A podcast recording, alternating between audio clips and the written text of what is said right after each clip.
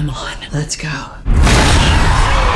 For 17 years, the town of Haddonfield, Illinois has been haunted by a night when evil roamed the streets. Halloween, the curse of Michael Myers. Halloween ends.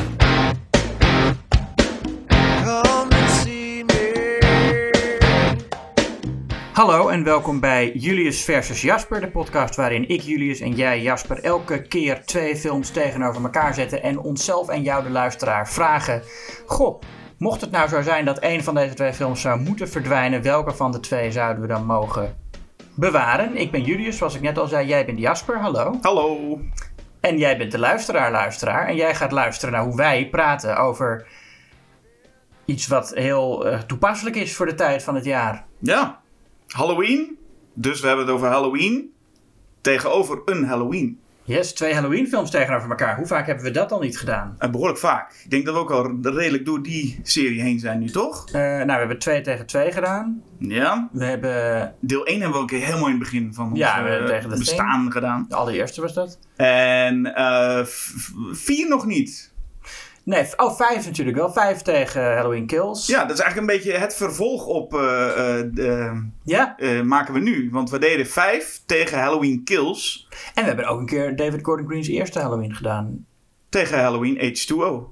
Ja, godsamme, zeggen we. We hebben bijna hele... Nou, ik wist maar niet dat we al zo ver waren. Nee, maar het leuke ver. vind ik wel aan de Halloween films, dat zijn wel films waar wij het vaak echt over oneens zijn. En ook best wel... Dat is De, waar. de, de Halloween 2 tegen Halloween 2 is denk ik nog steeds onze meest, eh, de grootste oneenigheid van alle afleveringen die we gedaan hebben. Ja, En dit lijkt erop dat het ook wel zo eentje gaat worden. Het zou kunnen. Ja, het is net wie is er het meest gepassioneerd Mm. over een van die titels. Ehm, dus je zou kunnen zeggen, waarom deze twee? Waarom zetten we deze twee tegenover elkaar? En je kunt zeggen, ja, die zijn nog over. Maar ze hebben best wel wat raakvlakken. Ik bedoel, het zijn allebei Halloween films, oké. maar ze zijn ook allebei een soort laatste deel op een op zich staand trilogietje, eigenlijk. Ja, en ze sluiten allebei een verhaallijn af in de reeks. Deel 6. Ja, de een bewust Ja. en de ander eh, iets minder Ja. bewust, geloof ik. Ja, precies. En Want- ze, ze ja. hebben dus allebei ook te maken met, met gaten en cliffhangers van het vorige deel. Mhm. Waarbij de publiek dacht, wat gaat er nu gebeuren? Eh, dat moeten, moeten deze twee films die we bespreken gaan beantwoorden als het goed is, toch? Ja, ja. Ehm, rol van een radio-dj, heb ik in beide toch wel gezien. ja, zeker. Nou, Michael Myers steekt weer iemand tegen een muur aan in beide films. En gaat er dan zo naar lopen kijken. Ja, een ver- verwijzing naar dat, wat hij doet in de eerste film natuurlijk. Ja, dat doet hij best vaak als je het allemaal bij elkaar optelt. Ja, dat is in elke film is het wel een keer dat hij, die, dat hij zijn hoofd zo opzij doet. Ja, met, net met een iets te klein mes iemand aan een muur vast kunnen pinnen en dan vervolgens Ja. er even naar kijken. Hij kijkt natuurlijk ook van dat hij verbaasd is dat dat... Hij, hij probeert ook uit te vogelen hoe dat nou zit. Ja. Het mes dat zit net met een puntje in die muur en dat kan het hele gewicht van het lichaam dragen. En je ziet elke keer gaat zijn hoofd iets schever in elke film met werkt dit nog, ja, werkt dit nog steeds, ja? ja. En ehm, ik denk dat in, in, in alle beide gevallen, deze beide films hebben best wel wat overeenkomsten met Halloween 3. De destijds behoorlijk gehate eh, eh, film en inmiddels geliefde film, zou je Veel zeggen. mensen zeggen dat het de beste Halloween is. En Dat, kun je, dat zou je kunnen zeggen, ja. Ja. Ik ga het nu niet doen, maar ik kan, je kan het best zeggen. Ehm, dus, dus ja, best wel veel overeenkomsten. Ja. Ehm, Ook allebei heel controversiële films volgens mij. Hebben we eigenlijk wel überhaupt gezegd welke films het zijn? Ja, Halloween 6 en Halloween Ends. ja, oké, dat hebben we niet gezegd. Dat staat niet. gewoon in de titel. Dat staat in de titel. Maar, dat, nee, maar dit was allemaal opbouw naar Oh ja, oh ja. de onthulling. Tromgeroffel. Curse of Michael Myers Ja, en Halloween Ends. Halloween Ends. Gewoon simpel. Ja, Ja. Dus, eh, en jij neemt het op voor eh, eh, Halloween Ends. Ends, ja. Dus de rollen zijn nu omgedraaid. Jij nam het voor, ik nam het vorige keer op voor David Gordon Green. Ja, nu mag ik het een keer doen. Ja, leuk Jij hebt het twee maal opgenomen voor David Klopt. Gordon Green. Ja, Twee keer heb ik, voor David Gordon Green opgenomen. Voor de afsluiter dat doen, ja. Ja, ik kan nu al verklappen, als er ooit een Exorcist aflevering komt, dan weet ik niet of ik het dan voor David Gordon Green ga opnemen. Maar dat terzijde. Ehm, zullen we even een stukje plot doen? Aan de hand van de videotekst. Ik heb hem voor Halloween eh 6. En d- er staat op de voorkant al, heel groot, hoofdletters, warning, dubbele punt, bang aangelegd, niet kijken. Oh, Dat is al de tekst waar de, de voorkant van de videoband eh, al mee begint. Ja. Maar dan nu, waar gaat de film over? Nou, de film heet overigens Halloween dubbele punt, The Curse of Michael Myers. Dus de, het nummer hebben ze Ja, weggehaald. weggelaten.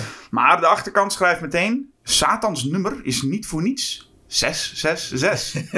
Niet voor niets. Nee, is niet voor niets zo. Dat is puur voor dit. ja, Halloween 6 is het meest duivelse deel uit 's werelds succesvolste griezelreeks. Ik weet Nou. niet of dat echt zo is, maar Wel een du- ja, duivels in de zin dat het... Nou, oké. goed. Oranje pompoenen grijnzen dreigend. Kinderen gaan, verkle- gaan verkleed van deur tot deur.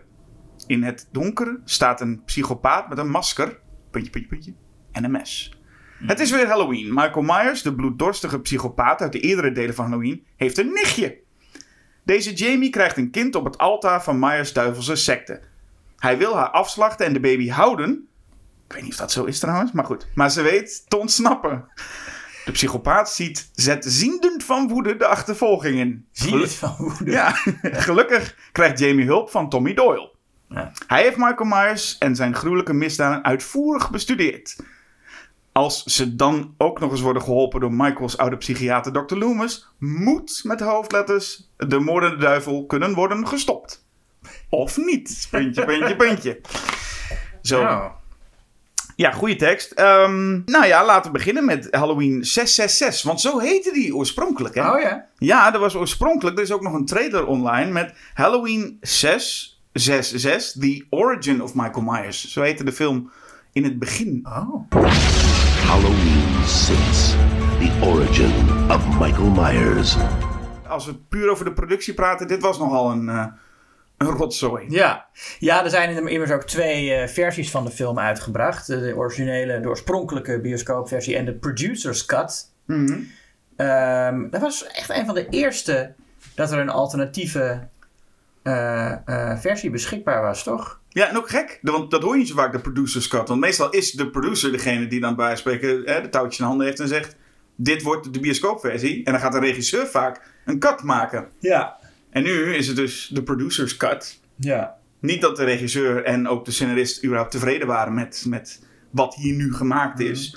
Ehm, maar het is of sowieso opvallend. Hè? Halloween 4 was, kwam en was best wel een hitje. Halloween 5 echt binnen een jaar. Ja. Maar dit was zes jaar later. We Ja. hebben het hier over 1995. Dit is waarschijnlijk de laatste grote slasher voordat Scream kwam. En nou, dat, was, het dan wel, toch? Dit moet, Ja? dit moet nog echt zo'n laatste... Dit is hoe films eruit hadden gezien als Scream er niet was geweest. Ja, precies. Dit is de, ja. ja, dat is ook wel fijn aan deze film, dat die echt wel bloedserieus is. Ja, eh, neemt het allemaal- neemt het allemaal heel serieus. Absoluut geen humor, althans geen bewuste humor. Nee, als, als het net iets later gemaakt was, was het eh, waarschijnlijk veel meer beïnvloed door Scream. En dan had je allemaal tieners Dan had gehad. je En dan, Halloween H2O. dan kreeg je zoiets, denk ik, ja. Ja. ja. en hier is het dus nu weinig tieners überhaupt in deze film.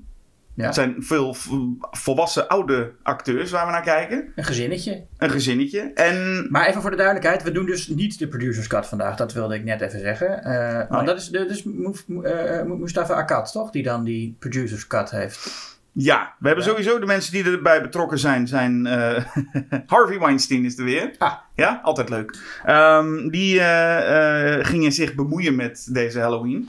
En de arcades zijn ook al mensen die er, die er veel mee te maken hebben. En het punt was een beetje, wat ik wel geestig vind. Goed, je komt met deel 5. Daar zitten allemaal dingen in. Van een man in het zwart. En wie is dat toch? En, en Michael heeft een tatoeage.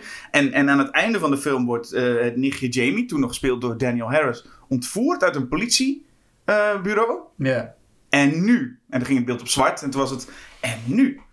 Nou ja, en dan is het dus van wat ga je dan doen? En ik denk, na zes jaar had je makkelijk kunnen denken, dat had iedereen wel kunnen bedenken. Joh, begin gewoon ergens. Maakt het uit. Er is volgens mij was er niemand in midden jaren negentig die dacht, hoe zit het nu met dat nichtje van Michael Myers? Dat had Nee. niet gehoeven, volgens mij. Dat is een beetje alsof ze in Freddy vs. Jason weer het einde van eh, Freddy 6 hadden gebruikt. Kijk, hoe, hoe gaan we ons hieruit redden? Ja, precies. En dat- in principe hadden ze dat makkelijk kunnen doen. En dat zie je daarna ook. En ik denk dat toen Halloween H2O zo'n succes was... iedereen wel een beetje afkeek met... oh, we kunnen het allemaal gewoon laten liggen. Dat gebeurde natuurlijk al wel vaker, maar nu meer, des te meer. Maar wat ik dus heel grappig vind... is dat je hebt een scenarist, Daniel Ferrens... die schreef dit script. En was eigenlijk al echt een enorm fan van de serie. Heeft ook voor toen hij de, de, de klus kreeg... allemaal schrijvers... en er waren er best wel wat volgens mij van Halloween 5... ook benaderd van wat, wat, wat bedoelden jullie? Nou, toen kreeg hij ook wat horen. Geen idee. Geen idee. We weten niet wat we aan het doen waren. En hij heeft toen, en daar, daar waardeer ik altijd heel sterk, hij heeft toen echt geprobeerd alles aan elkaar te verbinden. En dat zie je in dit script ook wel heel erg. Dat ze Ja. proberen dat alles maar logisch is. Ehm, wat soms werkt en, en meestal niet. En de regisseur die erop gegooid werd was, was Joe Chappelle. De man die ook eh, Hellraiser 4 overnam van eh, Kevin Yeager. Hm. Zijn een beetje, ja, qua horror is het, zijn het eh, beetje rampprojecten die hij een beetje in zijn schoot geworpen krijgt, geloof ik. Maar wie, wie was er ook eventjes in, ten, ten, eh, in eh, zou deze film even gemaakt kunnen hebben? Nou. Meneer Quentin Tarantino. Oh? Ja, dit is een interview ergens waarbij hij zegt dat hij wel een idee had dat de, de Man in Black, hè, dat, hij, dat hij samen met Michael dan gewoon hele lange tijd lekker door Haddonfield heen ging struinen. En dan werd het een soort road movie. En op een gegeven moment zaten ze dan met z'n tweeën in een diner. Dan denk je, als je dat Tarantino hoort zeggen, dan denk je, oké. Ik weet niet of dat beter was geworden eigenlijk. Te praten over hoe ze Big Macs noemen in eh Yep. Italië. Ja. Precies. En Michael die dan ook gewoon maar niks blijft zeggen. Het Ja. is gewoon allemaal monologen van een man in black. Maar dat heeft Tarantino het over gehad. Maar uiteindelijk is het dit geworden. Lekker, eh, ja, een, een, een, een, een mooi tijdsbeeld, deze Halloween 6, toch? Ja, dat, dat zeker, ja. Want dat begint al met, nou ja, we gaan wel de, de, de laat, wat mij betreft even af en toe vertellen wat die Producers Cut dan wel heeft. En hier zie je het meteen, de film opent. En we krijgen een reeks harde flitsen, snelle montage, Ja. een schreeuw eronder en dan is het stil. En dan, en dan begint de rest van de film. En dan zie je al, hier is iets hip. Ja, eh, als epilepticus had ik er wel een beetje last van, moet ik Dat zeggen. begrijp ik heel goed, ja. Ja, maar dat is dus een, een gedachte waarschijnlijk van eh, iemand daar in de studio. Die dacht, nee, het is niet leuk voor jongeren. Jongeren willen, willen flitsen zien. Ja, Harde flitsen. En geschreeuw. en dat is cool. En dan doen ze dat. Dat is ook lukraak, toch? Gewoon Mm. lukraak ergens. Dat zit Ja. in de film ook. ja dat keer. gebeurde ook af en toe, ja. ja, ja. Wat ook moet gebeuren is een, een, een theme met eh, gitaar. Dus we krijgen de John Carpenter theme, maar dan met een, met een elektrische gitaar. Schreeuwende gitaar.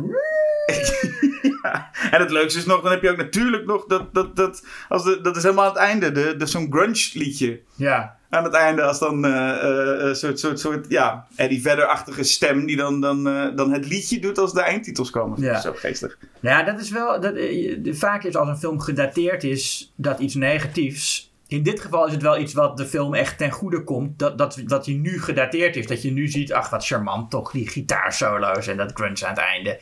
En dat geflitst, dat is toch ook allemaal wel leuk voor de MTV-stijl. Eh, destijds was dat, had, hadden we dat helemaal niet zo gevonden. Nee, dan vind je het niet tof dat mensen dat doen. Meestal zitten ze er ook net naast natuurlijk. We Ja, willen iets cools maken en dan zit je net te ja. laat. Dus dan wordt het een beetje gênant. Mhm. En nu is dat gênante weer leuk. Ja, Dus ik denk inderdaad dat het goed is dat ze. eh, en dat is ook wat ik steeds het beeld heb met. Ah, toen Halloween H2O uitkwam, dat ze zeiden: ja, nu hebben we echt weer even een serieuze. En als je die film kijkt, is dat helemaal niet zo. Dus, nee. maar goed, het is, voor toen was het echt. Oh, wat een stap naar een veel serieuzere film. ja. Maar goed, deze. Nou, dat is het leuke aan dit soort reeksen. Dat je altijd het tijdsbeeld krijgt van wanneer het... Je ziet altijd meteen wanneer zo'n film gemaakt bij Friday the 13th, bij Nightmare, bij... Klopt, daarom is het dus ook jammer dat sommige reeksen veel te snel achter elkaar gemaakt zijn. En sommige reeksen weer veel te lang niks. Want dan Ja. heb je straks niet dat je kan uitzoomen en zeggen: Oh, wat leuk om een keer een film te hebben in de jaren. mhm. Mhm. Maar dat, eh, eh, zoals Friday the 13th. Ik was wel benieuwd geweest hoe zag hij er nu uit. En dan komen we over 20 jaar weer lachen om Ja. de trends van nu. Maar dat is eh, al een tijdje niet. Hier moet ik in ieder geval wel ja, ook lachen om het feit dat dit verhaal dus knotsgek is eigenlijk. Ja, Want wat is het verhaal van Halloween normaal gesproken? Hé, hey, daar komt Michael, gaat achter zijn eh, nou ja, nichtje aan in de afgelopen twee delen. En daar was het wel. Er komen nog wat tieners op zijn pad en dan denkt hij, nou ja, steek ik ook maar neer. Soms tegen de muur en klaar. Maar hier ineens, we openen met allemaal kaarsen en een secte. En, en ja, gewoon de gekkigheid begint meteen. ja, The Cult of Michael Myers was eigenlijk een veel gepastere titel geweest. True, ja, klopt. Ehm, want dit is, je, zei, je had net over een trilogie. Dit is natuurlijk de afsluiter van de Jamie-trilogie. Ja. Binnen de Halloween-reeks, eh, bedoel je dan? Ja. Eh, inderdaad, het nichtje van Michael geïntroduceerd in deel 4. Ehm, nou, toen vond ik haar een heel goed personage en ook goed gespeeld. Mhm. Hoe heet ze nou ook weer? Daniel Harris. Daniel Harris. Ja. Die later ook, eh, die nu, of nou nu, ik weet niet of ze wat ze nu doet, maar ze heeft later wel nog meer horrorrollen gehad en ook eh, een paar films geregisseerd. En ze komt ook veel van die beurzen en zo. Dus volgens mij wordt ze Ja. ook door de, door horror community wel Omarmd. omarmd, ja. Ehm, ja, in deel 5 eh, zat ze ook nog, was ze ook heel erg goed. Liep het wel een beetje deprimerend af, vond ik, met dat personage. Dat het eindigt dat ze helemaal in paniek daar eh, door dat politiebureau loopt, waar net iedereen overhoop geknald is, waar Michael eh, zat. Ja, En in deze film, nou ja, ze wordt niet meer door Daniel Harris gespeeld. klopt. Want ja. die, die eh, ja, ze wilde het heel graag, maar... Ze was 17. oh ja, dat, ja. Ze, was, ze was 17 en dat was, betekende dat ze te weinig uren op een set kon maken. Oh ja. En dat was dus een reden om te zeggen, nee, doe maar niet. En dat heeft ze inderdaad, vond ze heel naar. Ze Ja. wilde heel graag inderdaad deze rol doorzetten. Uiteindelijk is het beter, denk ik toch hoor. Ja, want het is ook, ik vind het zo naar wat er met dit personage dan gebeurt. Dan heb je gewoon in, in deel 4 heb je die heldin gehad, weet je wel. Eh, Mhm. een jonge, jong meisje dat toch heel wat haftig is en dapper en zo. En in deel 5 is ze ook ontzettend dapper geweest. En dan zit ze dus jarenlang bij die secte opgesloten. Is gewoon een soort ontvoerd. Aan het einde van deel 5 is dan, dat hebben we niet gezien, maar dat is dan wat daar gebeurt. Ja. En dan zit ze jarenlang gevangen. En wordt ze verkracht door Michael Myers. ja ook dit is niet allemaal in de bioscoopversie heel duidelijk, toch? Nou ja, het is duidelijk dat ze zwanger is. Ja, maar dat hoeft niet van Michael Myers te zijn. In de bioscoopversie volgens mij ja, niet. nee, oké. in, de, in, de, in de producer's code wordt dat, heel, wordt dat echt... Nou ja. Nou, we weten dat het, het, wordt, het is wel zijn kind, toch? Ik bedoel, het is wel, wordt wel duidelijk gemaakt dat het zijn, eh, de laatste van zijn bloedlijn is. Ja, maar ik dacht dat het om, komt omdat het zijn nichtje is. Dus dat zij gewoon een kind heeft. Dus dan is het deel Ah, van ja. zijn familie. Maar ik weet eigenlijk niet of in de bioscoopversie nou zo expliciet wordt gezet. Nee, Michael heeft hem ook Hmm. verwekt. Nou ja, dan, dan wordt er iemand anders verkracht. Dat maakt het. Nee, dat, ja, dat, nou, nou ja, goed. Het beeld Nee, van Michael is- die dat ja, ook nog... Ja, nee, dat is, dat is. En ook nog door haar eigen oom, inderdaad. Ehm, ehm, Ja. Ik kan me ook niet voorstellen dat Michael Myers überhaupt seksuele interesse heeft of zo. Nee, maar we Eh. dachten in deze film ook niet dat hij kon autorijden. Dus je weet, je, hij verrast je elke keer weer natuurlijk wel. En je zou hem dan toch, misschien hebben ze het gewoon gedaan zoals ze dat met paarden doen of zo. Dat ze gewoon hem afgetrokken hebben en dat zaad dan in haar geïnjecteerd. Ja. Want ik, ja. Ook- Nou ja, hoe dan ook. Het is een nare gedachte, hoe dan ook. ja, en daar moeten we dus meteen de eerste paar minuten van de film al over na Ja. gaan denken. Over dit soort dingen. Ja, precies. En Ja. dan wordt zij ook nog eens, dan, dan, dan nou, baart zij dat kind en, en weet ze dat kind te redden. En dan wordt ze enorm gruwelijk, echt een van de meest pijnlijke en gruwelijke moorden in de hele film ook nog eens een keer. Ja. eh, door Michael Myers vermoord. En echt daar, dat, dan, dan heb ik meteen al geen zin meer in de rest van de film. Als het zo begint, weet je. Als je zo omgaat met eh, de heldin van de vorige twee. ja. Het Wat, is ook... wat een naar leven heeft hij Dat. gehad. Het is ook, en het is een na leven. En ik vond ook, als je dan al... Oké, ook even de producers code blijft ze een tijdje leven. Mhm. Wordt ze daarna ook alsnog afgemaakt. Dus zoveel heeft deze film hoe sowieso niet. Hmm. Maar in de, in de bioscoopversie is het dus zo... Dat zij... Je denkt dan, oké, dat nichtje en Michael staan tegenover elkaar. Wat voor dood krijgen we dan? En dan moet ik even denken aan Halloween Resurrection... waarin Laurie dan doodgaat, toch? Mhm. is het op zijn minst dat ze elkaar eventjes aankijken en dan valt zij eh, zo in slow motion naar beneden. Dus heb je nog een Ja. beetje het gevoel, hier zit wat emotie achter. Wat deze mensen hebben meegemaakt. En nu, Michael en zijn nichtje. En dan duwt hij haar op een trekker. Ja, En dat is het dan. Ik, er is ook nog niet eens iets, er zit niks, geen gevoel bij. Het is gewoon, nou ja, gelukkig voor de kijker is het gevoel ook een beetje weg. Omdat het niet Daniel Harris is. ja. Dus je, je kan je nog iets makkelijker door deze casting distancieren van het personage. Maar je moet je voorstellen, als dat Daniel Harris was geweest. Je hebt inderdaad twee films, tweeënhalve film mee, met haar meegeleefd. En nu wordt ze even in een, eh in Ja. een of andere combine-achtig iets wordt ze gedouwd en dan dood. Dat was het. Dat ja. was het dan, ja. Ja. En dan, en nu? Dat is ook de grote vraag. Want dan is ze, ook is, is ze dus dood. Nou, dan hebben we dus een baby. Daar moeten we achteraan. Ja, Dus het grote, de rest van het verhaal wordt Michael Myers achter een baby aan. Maar zoals het in de plotomschrijving al staat, er, wordt, er komt veel hulp hè, van alle kanten. ja, Ten eerste is daar eh, eh, Paul Stephen Rudd, ja. toch? Introducing Paul Stephen Rudd. Ja, Tommy Doyle. En dat is ook zo'n typisch iets van een, een, een scenarist die alles bij elkaar wil brengen. Het is niet zomaar een jongen. Het is een jongen die gefixeerd is op eh, alles Michael Myers. Maar wat komt ook? Hij is dat jongetje uit de eerste film. Ja, Waar Laurie op paste. Die in Halloween Kills nog eh, riep... eh, Evil dies tonight. Ja, helaas niet Paul Rudd eh, in die film. Nee, dat was ook leuk geweest toen. Kan, kan verkeren. hè? Moet je dan ben je gewoon een personage, wordt je eerst gespeeld door Paul Rudd en daarna door... ja, ik zat die- ook even te denken. Hoe heet die? Van Breakfast Club. Ja. Nou ja, door die man. Door, door die die daarmee man. eh, kalend en dikkig is. En, eh, nou ja. Ja, maar je wordt als eerste gespeeld door een klein jongetje die inderdaad nooit meer teruggevraagd is voor die Ja, rol. ja. Dat had nog een best grote acteur kunnen zijn. Ja? Die tot twee keer toen nu... eh, maar ja, hij is nooit meer gevraagd. Ja. Dat is ook jammer. Ja. Terwijl, eh, daar komen we straks nog op. Lindsay, die ook in die film zit, die gaan we straks nog weer bespreken. Ja. Die actrice mag, mag iedere keer weer terugkomen. Ja. Nou ja, de een heeft pech, de ander heeft geluk. Maar hier zit dus Paul Rudd, kleine Tommy Doyle, die nu eh, heel erg moet overkomen als een creep. Ja. En dat doet hij dus ook echt.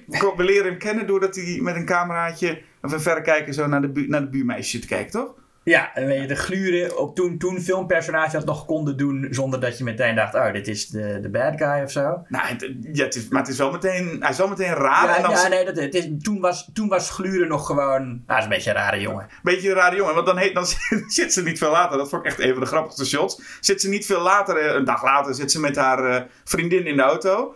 En dan zegt ze, ja, ik werd weer be- bes- bes- bes- bespied door die, die rare jongen. En dan rijden ze net langs dat huis. En wie staat op dat moment echt pontificaal voor dat raam te loeren? Ja, Paul Rudd. Ja. Degene die die bespiedt, zou je willen zeggen, is het nieuwe hoofdpersonage. Maar dat nieuwe hoofdpersonage zit zo weinig in de film. Ja. Dat ik ook haar naam op een gegeven moment dacht, wel, ik moet haar naam eens een keer opschrijven. Kara. En dat ik, waarom zij er echt heel veel toe doet? Niet heel Ja, belangrijk. haar ouders, zij eh, woont weer bij haar familie. Oh ja. Ze heeft, ze heeft, dus een kind eh, gekregen, Ja. eh, vrij jong. En toen is ze teruggegaan naar haar gezin en met dat kind. En die wonen allemaal in, In het- het... huis waar Michael Myers... ja, maar zij zijn Strodes. Dus zij zijn weer familie van Ja. Laurie Strode.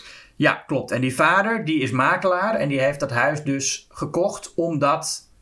eh, eh, Van zijn broer dan? Ja, van zijn broer. Ja. Omdat niemand anders het dat wilde kopen vanwege wat er allemaal eh, gebeurd was met die Strodes. Ja. Dus toen heeft hij dat huis gekocht en dat heeft hij niet aan de rest van de familie verteld. Dat zijn broer daar woonde. Ja, Ja, nee, dat- zijn- nee, zijn broer had het... Ja, precies. Ja, ja klopt. Dat kan, dat ze dat niet wisten natuurlijk. In een groot, groot land, Amerika. Ja, maar Haddonfield is maar een klein dorpje. Want dat, Ja. dat zie je ook aan het feit dat dus die broer van eh, de vader van Laurie Strode woont dus nu in dat huis van Myers. Mhm. Wat dus ook familie van elkaar is in deze continuïteit nog. Ja. Myers en de Strodes.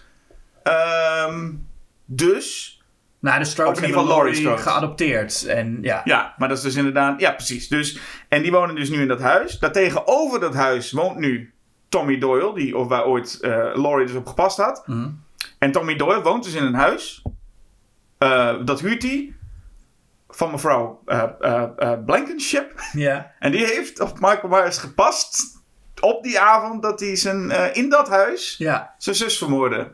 Dus dat is een mooi, mooi klikje op een paar vierkante meter. Een kleine wereld. Nou ja, maar Blankenship die woonde daar natuurlijk toen al. Tegenover. Ja, dat denk ik wel. Ja, oké. Ja, En toen is Tommy Doyle daar gaan wonen bij mevrouw Blankenship. ja precies. Ja. Ja, precies. Oké, dus zo klein is het. En iedereen heeft wel wat met elkaar te maken. Dat is ook, Mhm. Maar dat gebeurde ook in die van David Gordon Green, toch? Dat er eens een agent was. En die dan zei, ja, ik, ik was erbij. Ja, nee, iedereen in die wereld eh, kent. Iedereen eh, zegt dan, ik was er ook. En dan Ja. krijg je een flashback waarbij dan inderdaad ergens... Dus ik krijg dezelfde scène van jaren geleden. Maar ineens staat er achter de boom staat nog iemand. Ja, Dan kun je zeggen, ik was erbij. ja. Terwijl wij weten, er was helemaal niemand bij. Maar nee, ik was erbij. toch? We hebben dat huis gezien. Eh, Toen, eh, toen eh, nee, in de opening van de eerste Halloween. Ik heb geen mevrouw Blankenship gezien die daar aan het oppassen was. Nee, nee, nee. Maar goed, dat is het dan ook. Dat hoeft ook niet. Nee, maar het is gewoon een rare gedachte. Want die, die zus die ging, die ging toen echt met nou, een heel snel vluggetje doen met die, met die, met die vriend boven. Ja. En, en, en Nee, Michael dat- pakte dat- toen een mes en, en liep naar boven en stak haar toen neer. Die Blankenship was echt, echt nergens te bekennen op Nee, dat die, moment. nee, maar die heeft ook, die zat verstopt. Want die heeft daar hem natuurlijk, die wilde, dat blijkt dan uiteindelijk, Oh ja, dat ja zij precies. daarvoor verantwoordelijk was. Dus die heeft zich Ja. geborgen in een kast of zo. Klopt. Dat is, dat is nog hetzelfde om een, een stap te zetten naar eh, wie, wie we ook in de eerste Halloween zagen. Was die man met die snor, Dr. Wynn, die even met Dr. Loomis naar buiten ging in, Ja. eh, ehm, waar, waar ehm, Michael opgesloten zat. Ja. En die zegt, oh, nou, heeft hem nou leren rijden? ja. En dat was die man, Dr. Win. Dr. Win. En die komt nu terug Ja. als de grote slechterik achter dit alles. ja. Dat is toch ook mooi? Dat is heel mooi. Ja. Dat had je wel zien aankomen toen we, toen we Halloween voor het eerst zagen. En denk, ja, dit, zo zou het mogelijk in elkaar zitten. Ja, nogmaals, ik vind het heel leuk dat zo'n Ja. scenarist dit allemaal probeert. En het klopt ook nog eens een keer, want ze, dit is dus de Cult of Thorn waar het nu over gaat. En de Thorn, dat is een, dat is een, een rune die nog best wel lang in Engeland eh, gebruikt is voor de, als, als letter voor de TH van the. Daarom zie je ook vaak op, op oude cafés en zo, er staat dan ye olde. Ja? Maar dat, dat, dat is gewoon the. Dat mensen die dat eh, als ye uitspreken, die, die zeggen het verkeerd. Het moet gewoon the zijn, want dat is geen ei, maar een thorn.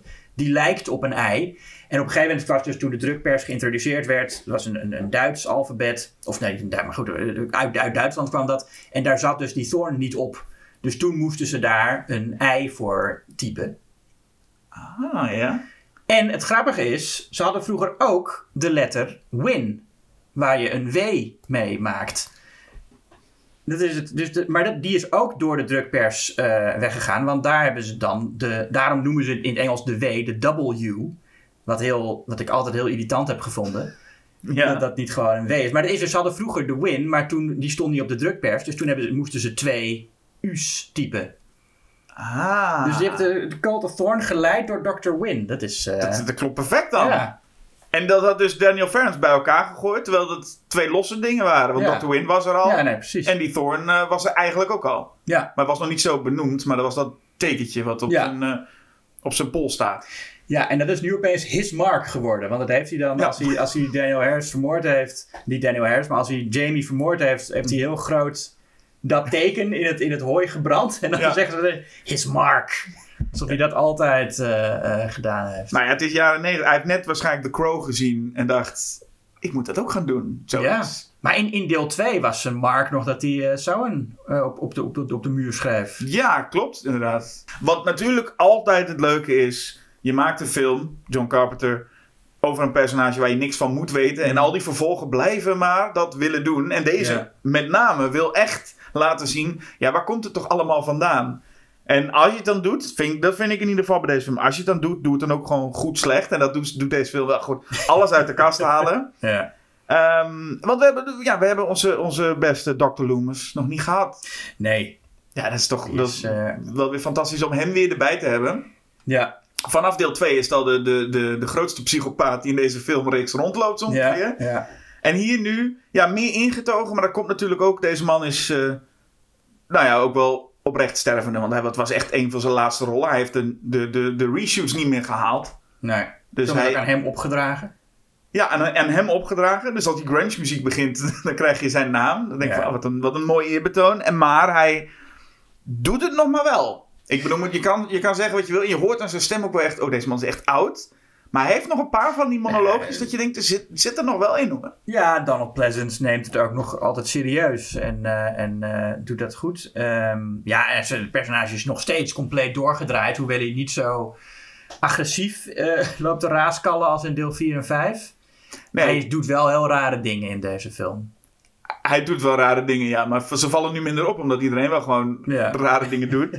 Ehm, maar laten we beginnen dan. Als we zeggen rare dingen. Nou, in eerste instantie, Jamie is ontsnapt met haar baby. Ja. Moet dat ergens kwijt. Dan lijkt mij een verlaten busstation in de nacht het beste plek ook, toch? De toiletten van een verlaten busstation, waar om Ja. de een of andere reden een kastje is dat open en dicht kan. Ja. Ik weet niet wat daar normaal in zit, maar daar kan nu een Daar kan baby nu een baby in, dus het is fijn dat dat nu even niet gebruikt werd. Ik vind het ook zo naar trouwens dat ze nog tegen Michael zegt: eh, Leave us alone. Hmm. Dat ze dus niet leave me alone, maar dat ze echt met die baby Ja, dat, een, een, eh, een, eh, een, een leven wil. ja, dat is, ze, is, nou ja, ze doet het best voor die baby. Ja, nee, zeker. Ja. Ehm, nou ja, en dus dan maar in, een- in, een- in, de, in dit busstation, waar dus heel hard, in dat busstation wordt heel hard een, eh, een radiozender. eh, Ja, een verlaten. Maar iedereen luistert daarnaar, hè? Dat is, dat is Barry, dat is een soort shock jock, beetje Howard Stern-achtig, die in die tijd natuurlijk heel groot was Ja. op de radio.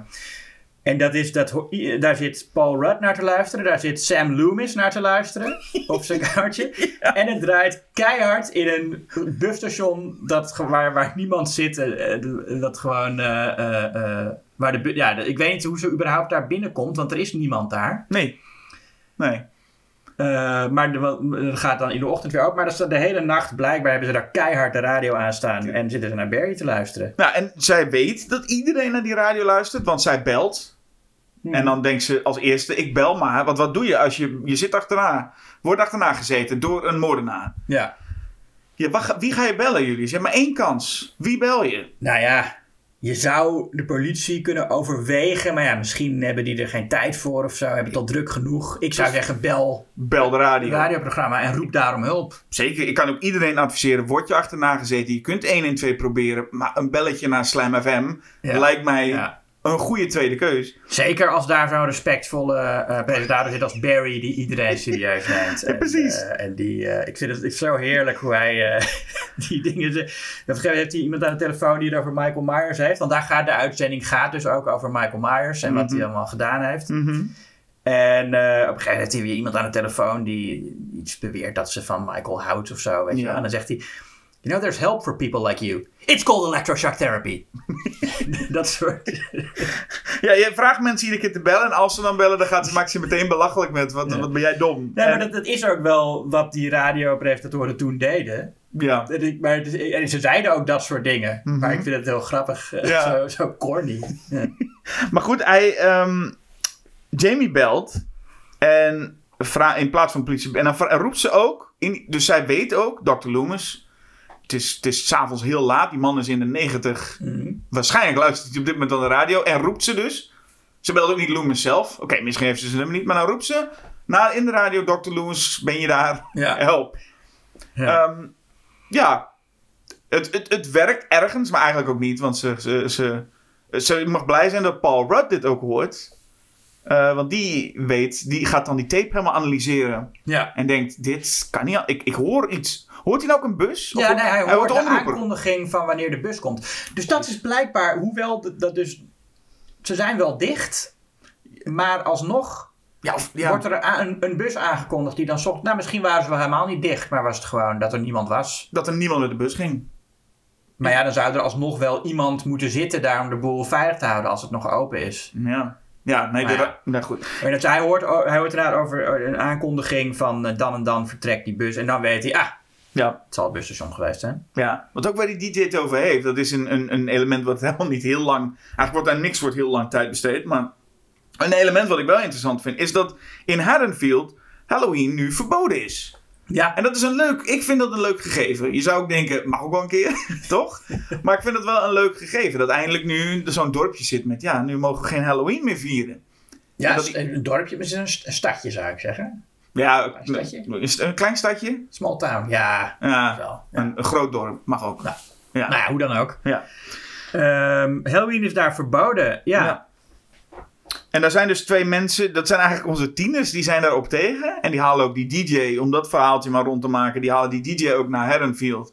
Of, Ja. ik, of misschien zit hij al in Haddonfield, maar dan halen ze erbij. Nee, zij halen hem naar Haddonfield. Hij Ja. zegt van, ik, ik, ik ga naar Haddonfield. Ja. Oké, dus dan, dan, en dan is hij erbij en dan, dat is ook leuk, dat ze dan halen hem erbij. En denken ze nou, dan kunnen, we, dan kunnen we wat bereiken. Is dat meisje ook meteen eh, verbaasd dat deze DJ zo grof is?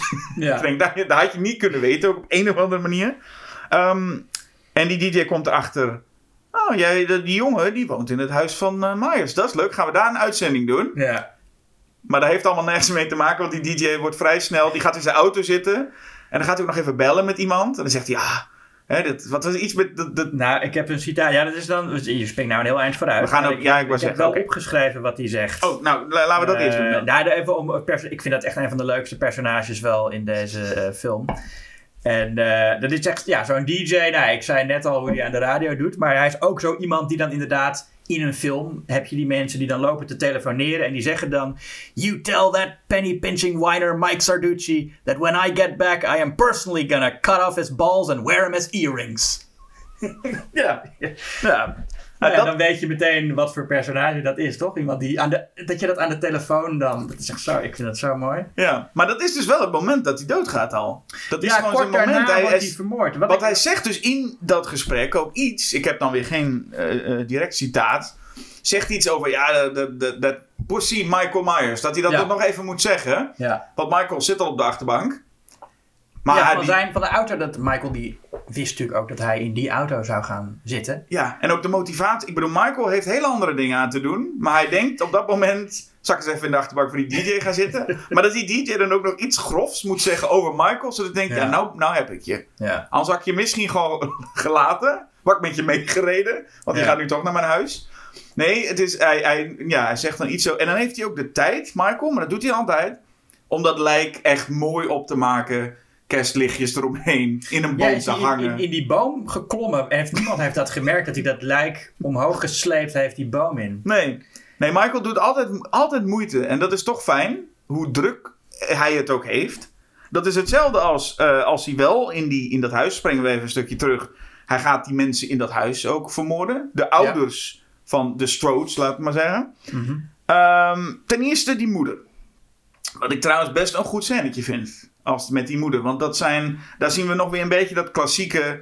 Michael staat op de achtergrond. Niet, Ja. te, niet te heftig. Allemaal vrij subtiel, maar best wel een spannend scènetje. Mhm. Met die moeder.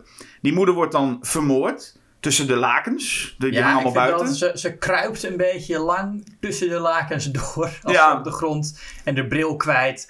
En dan zie je dus tussen die lakens doorkruipen. Heel erg Scooby-Doo met het Ja. bril kwijt is, ja. En ehm, ze wordt dan vermoord door Michael. Het leuke vind ik dan dat als die vader thuis komt, staat de wasmachine aan. Ja. En zitten die bloederige lakens dus in de wasmachine. Ja. Gewoon het principe dat Michael denkt... Ja, ik kan dit ook niet zo achterlaten. Michael heeft dus moeite genomen Ja. om even die lakens wel te gaan, gaan, eh, gaan wassen. Het is niet echt een goede wasmachine trouwens, want de lakens waren een beetje bespat, maar die komen echt helemaal rood komen ze uit de wasmachine. Ja, of Michael heeft er wat roods bij ingedaan. Dat mag ook niet, hè? Nou, ik had verwacht dat, dat zij er, of dat in elk geval haar Ja, hoofd erin zou zitten of zo. is ook zeker wat je verwacht, ja. Maar haar lichaam wordt nooit eh, gevonden. Eh, Of niet? Jawel, Jawel. volgens mij wel, jawel. Nee, waar is ze dan? Ja, ze komt, een keer, ze komt op dat moment, dat is typisch eh, eh, nou, Halloween zou ik zeggen, of typisch slashers. Is dat echt volgens, eh, op een bepaald moment dat Kara in het huis loopt, komt ze volgens mij ineens van het plafond af. Of, Oh, ja, ja. Er is een moment dat ze ineens, oh daar is die. Ja. En die, die vader is nog geestiger, die wordt namelijk geëlectrocuteerd in de kelder. Mhm. Zodanig dat zijn hoofd ontploft. ja. Nou, dan word je wel echt geëlectrocuteerd, toch? Ja, dan heb je heel veel, heel veel volt eh, door je heen gejaagd. dat, is, ja. dat is aardig wat volt, ja. ja. En dat is, weer, dat is wel een typisch ding natuurlijk. Dat is zo'n... zo'n Oké, eh, we moeten... Die, die producers cut is allemaal net iets te elegant. We moeten hier... En dan, dan bedenken ze maar... Zullen we gewoon een hoofd laten ontploffen? Ja, Ja. dat past niet bij de keel. Ah, boeien. En dan gaan ze... Laten ze dat, dat zijn mooie inserts, vind ik. ja, maar dat mag ook wel, want die vader is wel echt eh, een klootzak. Om Nou. het even, even terug naar waar we. Terug naar gewoon de film een beetje op volgorde eh doornemen. Ja. Nou, het is wel leuk om een keertje inderdaad achteruit te gaan, zoals we net deden. Maar, Een soort memento filmbespreking. ja, maar Ja. nu zijn we terug bij eh, eh, het gezinnetje. Ja. En gaan we onze gezinsleden. Nou ja, die vader, we hebben het al gezegd, die heeft dan tegen zijn gezin verzwegen dat ze in het, het Strodehuis wonen. Mhm. En die wordt eigenlijk meteen alles wat hij doet en zegt, eh, wordt duidelijk gemaakt dat hij een lul is. Het is ook leuk dat die vader en die moeder dus eh, genoemd, genoemd zijn naar John en Deborah. Als in John Carpenter en Deborah Hill. Oh. Dat je ook denkt, leuk eerbetoon John. ja. Om echt een van de grootste klootzakken. En dat is dan je... eh nou ja, dat is dan die eerbetoon aan jou. ja, Ja, deze John is zo. Dat is een lul. dat is een lul. Ja, want hij, is, nou, hij, hij houdt niet van zijn zoon, dit, dit, dit- het broertje van eh Kara. Mhm. Ehm, die zit hij te vernederen en, eh, en krijgt ook een klap op een gegeven moment. Of nee? Nee, ze, ze, ze- die, die dochter spreekt hem even tegen. En hij krijgt die klap. een klap, ja. Maar het is ook dat hij, dat hij op een gegeven moment...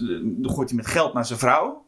Ja, Eh, ja die, vrouw, die vrouw is dan zo'n typisch heel meegaand type die altijd... eh, Ja, zo'n bang, beetje, bang ja. muisje. Het is echt, echt een, een, eh, een goed gespeeld, overigens wel. Maar Ja. deze, deze, ja, deze man is een klootzak op alle fronten. mhm. Ehm, en verwarrend vind ik dus wel het idee dat je hebt dus dat gezin. Je hebt die Kara.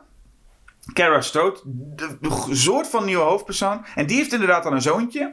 En dat zoontje hoort weer stemmen. En je hebt dus nu te maken met iemand met een zoontje. Oké, er is dus weer een kind in het spel. Alleen het gaat in principe om Paul Rudd die een baby nu heeft. Ja. Het is allemaal zo verwarrend. Want je had, dat had niet allemaal nodig, lijkt mij. Maar ondertussen loopt Paul Rudd dus met die, met die baby die hij Ja, vindt in het baby, busstation. ja, eh, hij is naar, Paul Rudd is naar het busstation gegaan en daar... eh, het is heel ideaal dat die baby, dat is echt de makkelijkste baby aller tijden, hè, die ligt daar gewoon de hele nacht stil Ja. in dat kastje. En als Paul Rudd binnenkomt, dan begint de baby heel even te huilen. Mhm. denk je, heeft die baby, mer- merkt die baby dat er iemand, dat Paul Rudd daar is? En denkt hij, oh, dan kan ik nu eh, beginnen met eh, geluid maken. Ik heb het idee dat alle baby's dat doen als Paul Rudd een kamer Ja. binnenkomt. Dat ze denken, nu moet ik even de aandacht vragen. Toch? Ja, nou ja, dan komt Paul Rudd, eh, haalt die baby uit dat kastje en denkt, nou, jij bent nu van mij. Ik, ik ga voor je zorgen. Ja. En, en gelukkig maar dat die baby inderdaad dus ja, verder nauwelijks huilt, nauwelijks geluid maakt überhaupt, ook niet echt honger heeft, geen moedermelk nodig, niks. Nee, je wikkelt het in een deken en je kunt het meenemen. En hè? Ja, gewoon, het gaat best. ja, Nee, dus dat. eh, of het is de, de, de magie van Paul Rudd natuurlijk. Maar die neemt die baby mee naar het ziekenhuis. Nou, en wie komt hij tegen bij, in het ziekenhuis? Dr. Loomis. zal toch niet. Ze zijn, ze zijn, ja, je komt overal. En, en die, die, die, die, denkt, die denkt in het begin ook, wie de fuck ben jij nou dan? Maar ze zegt, ja, maar ik ben Tommy Doyle. Oh, Tommy Doyle. Nou, nou, nou, is, het, nou, is, nou is het plaatje wel compleet. En dan zegt Paul Rudd ook iets van, ja, we, we kunnen hier niet praten. Meet me at the rally. Ik denk, Ja. Waarom zou je dat, waarom, waarom zou je dat doen? Wat is dat nou weer voor, voor, voor een tactiek? Maar goed, het zal. En zo heb je allemaal lijntjes nu die, die op een of andere manier moeten samenkomen. Want dan heb je een hoop eigenlijk neergezet. Ja, En ik vind het vooral dus geestig hoeveel onnodige lijntjes er dus dan ook uitstaan. Het had een vrij simpele film. Misschien, oké, niet zoals Quentin Tarantino, een roadmovie met twee mensen. Maar het had iets simpeler gekund, zou ik zeggen. dat lijkt mij ook. Want die Man in Black is er ondertussen ook nog steeds. En dat weten we dan nog niet. Dat is, maar dat is Dr. Die, die, die, die is ook de hele tijd tegen Dr. Loomis, een man van 90, aan het zeggen. "Ah, Anders kom je weer terug bij, eh, kom je terug bij ons werken. Ja, En ook zo'n goede psychiater, sowieso. Dat hebben we de hele reeks al gezien, toch? ja. Zo'n man ja, met, nee, met, absoluut. eh, passie voor de zaak. Nou is het zo, we weten dat Dr. Loomis, die weet nu dat de Strodes ook weer in gevaar zijn. Ja. Dus die gaat eh, bij hun inbreken. Ja, Hij standaard. komt, hij, je ziet de, de, de, de moeder, eh, hoe heet zij, de moeder Strode, die loopt Deborah in haar eentje. Ja. Deborah Strode, die loopt in haar, in haar eentje, loopt zij eh, eh, in haar huis. En dan, is het, nou, dan wordt er natuurlijk een beetje de spanning opgewekt. En dan staat opeens staat in haar huis Dr. Loomis.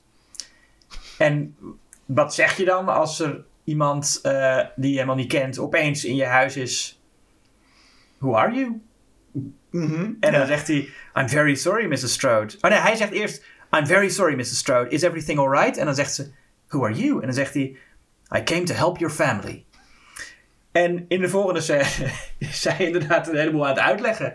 Dat je ook denkt, nou, dat, is, dat heeft hij gewoon iemand- dat je gewoon inbreekt bij iemand en zegt, nou, ik ben hier om je te helpen. En dan Zo, zeg je, nou, nou, ga even zitten. wil je een kopje koffie? ja, vertel even. Nog even over eh, jumpscares in deze film. Want dat, dat met die verschijning van Sam Loomis was dus een, een jumpscare. Mhm. Maar je hebt er eerder in de film zit misschien wel de slechtste jumpscare ooit.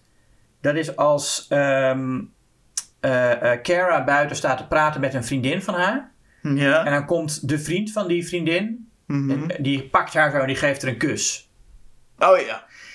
En dat is, want daar is, wordt dus helemaal... Normaal gesproken heb je bij een jumpscare of er gebeurt uit het niets iets engs. Mhm. Of er gebeurt iets wat eh, meevalt, maar dan is er wel enige spanning opgebouwd, weet je wel. Dan zit je eerst in spanning, wat is het, wat is het, wat is het? En dan boem, en dan, oh, dan is het maar Sam Loomis. Ja. Maar hier, het is gewoon een normaal gesprek. Er is helemaal geen suggestie dat er ook maar iets erg zou kunnen gebeuren in deze scène. Geen spanningsopbouw. Mhm. En dan opeens hoor je zo heel hard op de, op de, op de soundtrack zo bang. En dan is opeens die vriend daar die die vriendin pakt. Maar ja, je, je ziet dan meteen van, oh, het is die vriend. Ja. Nou, ja, dus niks, niks engs. Nee.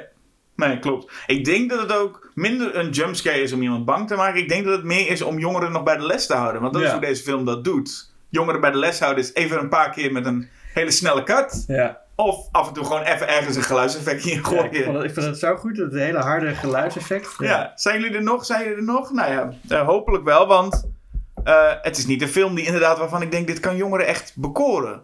Daar kan ik me gewoon niet zoveel bij voorstellen. Dat dit nou een film is waar Ja. tieners lekker naartoe gaan om te griezelen. Ja, nou ja, misschien dat ze een beetje met, met, dat juichen met popcorn gooien, dat soort dingen het zal wel gebeurd zijn. Dus Ja, nee, je, je ziet, je hebt dus die, die Beth en Tim. Dat zijn de twee tieners van deze film. ja. Die, die krijgen heel op een gegeven moment ineens, dan hebben ze die, die radio-dj. Want die heeft dus wel, nou, die is volgens mij is dat gewoon een, een, een nationaal bekende DJ, Barry. Mhm. Die zit daar dan en die zegt dan live from Haddonfield. Alsof dat een of ander groot, het is gewoon een klein stadje. Jawel, maar hij heeft het toch in zijn afleveringen de hele tijd over dat hele Michael Myers incident. Ja, nee, tuurlijk. Maar dat, maar dat je dan live from Haddonfield. En dan is het inderdaad, dan, dan krijgt hij min of meer per ongeluk te horen dat die, die, die Tim woont in het oude Michael Myers huis. En dan zegt hij, oh, maar dan moeten we daar naartoe. En dan vraagt hij nog aan die jongen van, eh, hoe, hoe ver is het naar je huis? En dan zegt hij, eh, half a mile. En dan gaat hij, zegt hij, oké, we'll meet you there in half an hour. En dan gaat hij dus meteen weg. Hij denkt van, ha- Ja. half a mile, dat, dat, dat, dat volg ik wel. Ja. En gewoon een, een, een halve mijl eh, een kant op rijden en dan ben ik er. Dat is eh, waar hij is. Ja, je voelt echt dat luisteraars, ook in, zeker in het busstation, die zitten gewoon een half uur met stil, die zitten te wachten. Ja, die zitten te wachten. Komt er, nou, komt er nog hij iets? komt in, in, in het huis van Michael. Maar we gaan luisteren naar iemand die vanuit hun huis een radioshow. Nou, dat wordt spannend. Ja, ja, precies. Daar hebben ze in Halloween's Resurrection iets beter gedaan, hè? Ja. Daar konden ze in ieder geval nog een tv-programma van maken. ja, maar daar zit ook nog een hele kerker onder dat huis. Dus daar heb je ook wel... eh, Ja, nee, Het precies. blijkt dat huis best een middeleeuwse. Met Lewis kerk het hebben. Maar hier is het inderdaad, dan sta je in een oud huis en dan zeg je, nou, we zijn nu in dat huis. Ik was heel benieuwd naar dat programma ja, verder. Wat, nou, gedaan. we gaan maar even naar een liedje luisteren. Maar goed, die twee, die gaan dan, die Beth en Tim, die twee jongeren, die gaan dan ook naar dat huis toe. Verder niemand, hè. Het is niet, er was een Ja. heel publiek daar. Die luistert naar dit radio optreden. Maar zodra die DJ weggaat, denkt dat publiek, nou, de, Ja, leuk. dan gaan we wel Eh, iets anders doen. Vijf minuten hebben we Barry gezien en nou Ja. is het eh, blijkbaar afgelopen. En je denkt, of ze gaan met z'n allen mee, weet je wel. Kom, Ja, we gaan met nee, z'n allen naar... Maar die DJ wil geen publiek hebben. Die zegt, nee, ik ga in mijn eentje naar het huis toe. J- jullie blijven, maar gewoon hier. De Dus technici gaan ook helemaal niet mee. Hij gaat inderdaad Nee, gewoon in nee. zijn eentje in die auto zitten. Ja. Ja, nee, niemand gaat mee. Alleen en Beth en Tim gaan wel naar het huis. Er is dus niemand. En dan denken ze, nou, dan gaan we maar een potje vrijen. Want dat is Ja. wel wat in deze film dan nog ontbrak. Je voelt het Harvey Weinstein zeggen. Waar is de seksscène?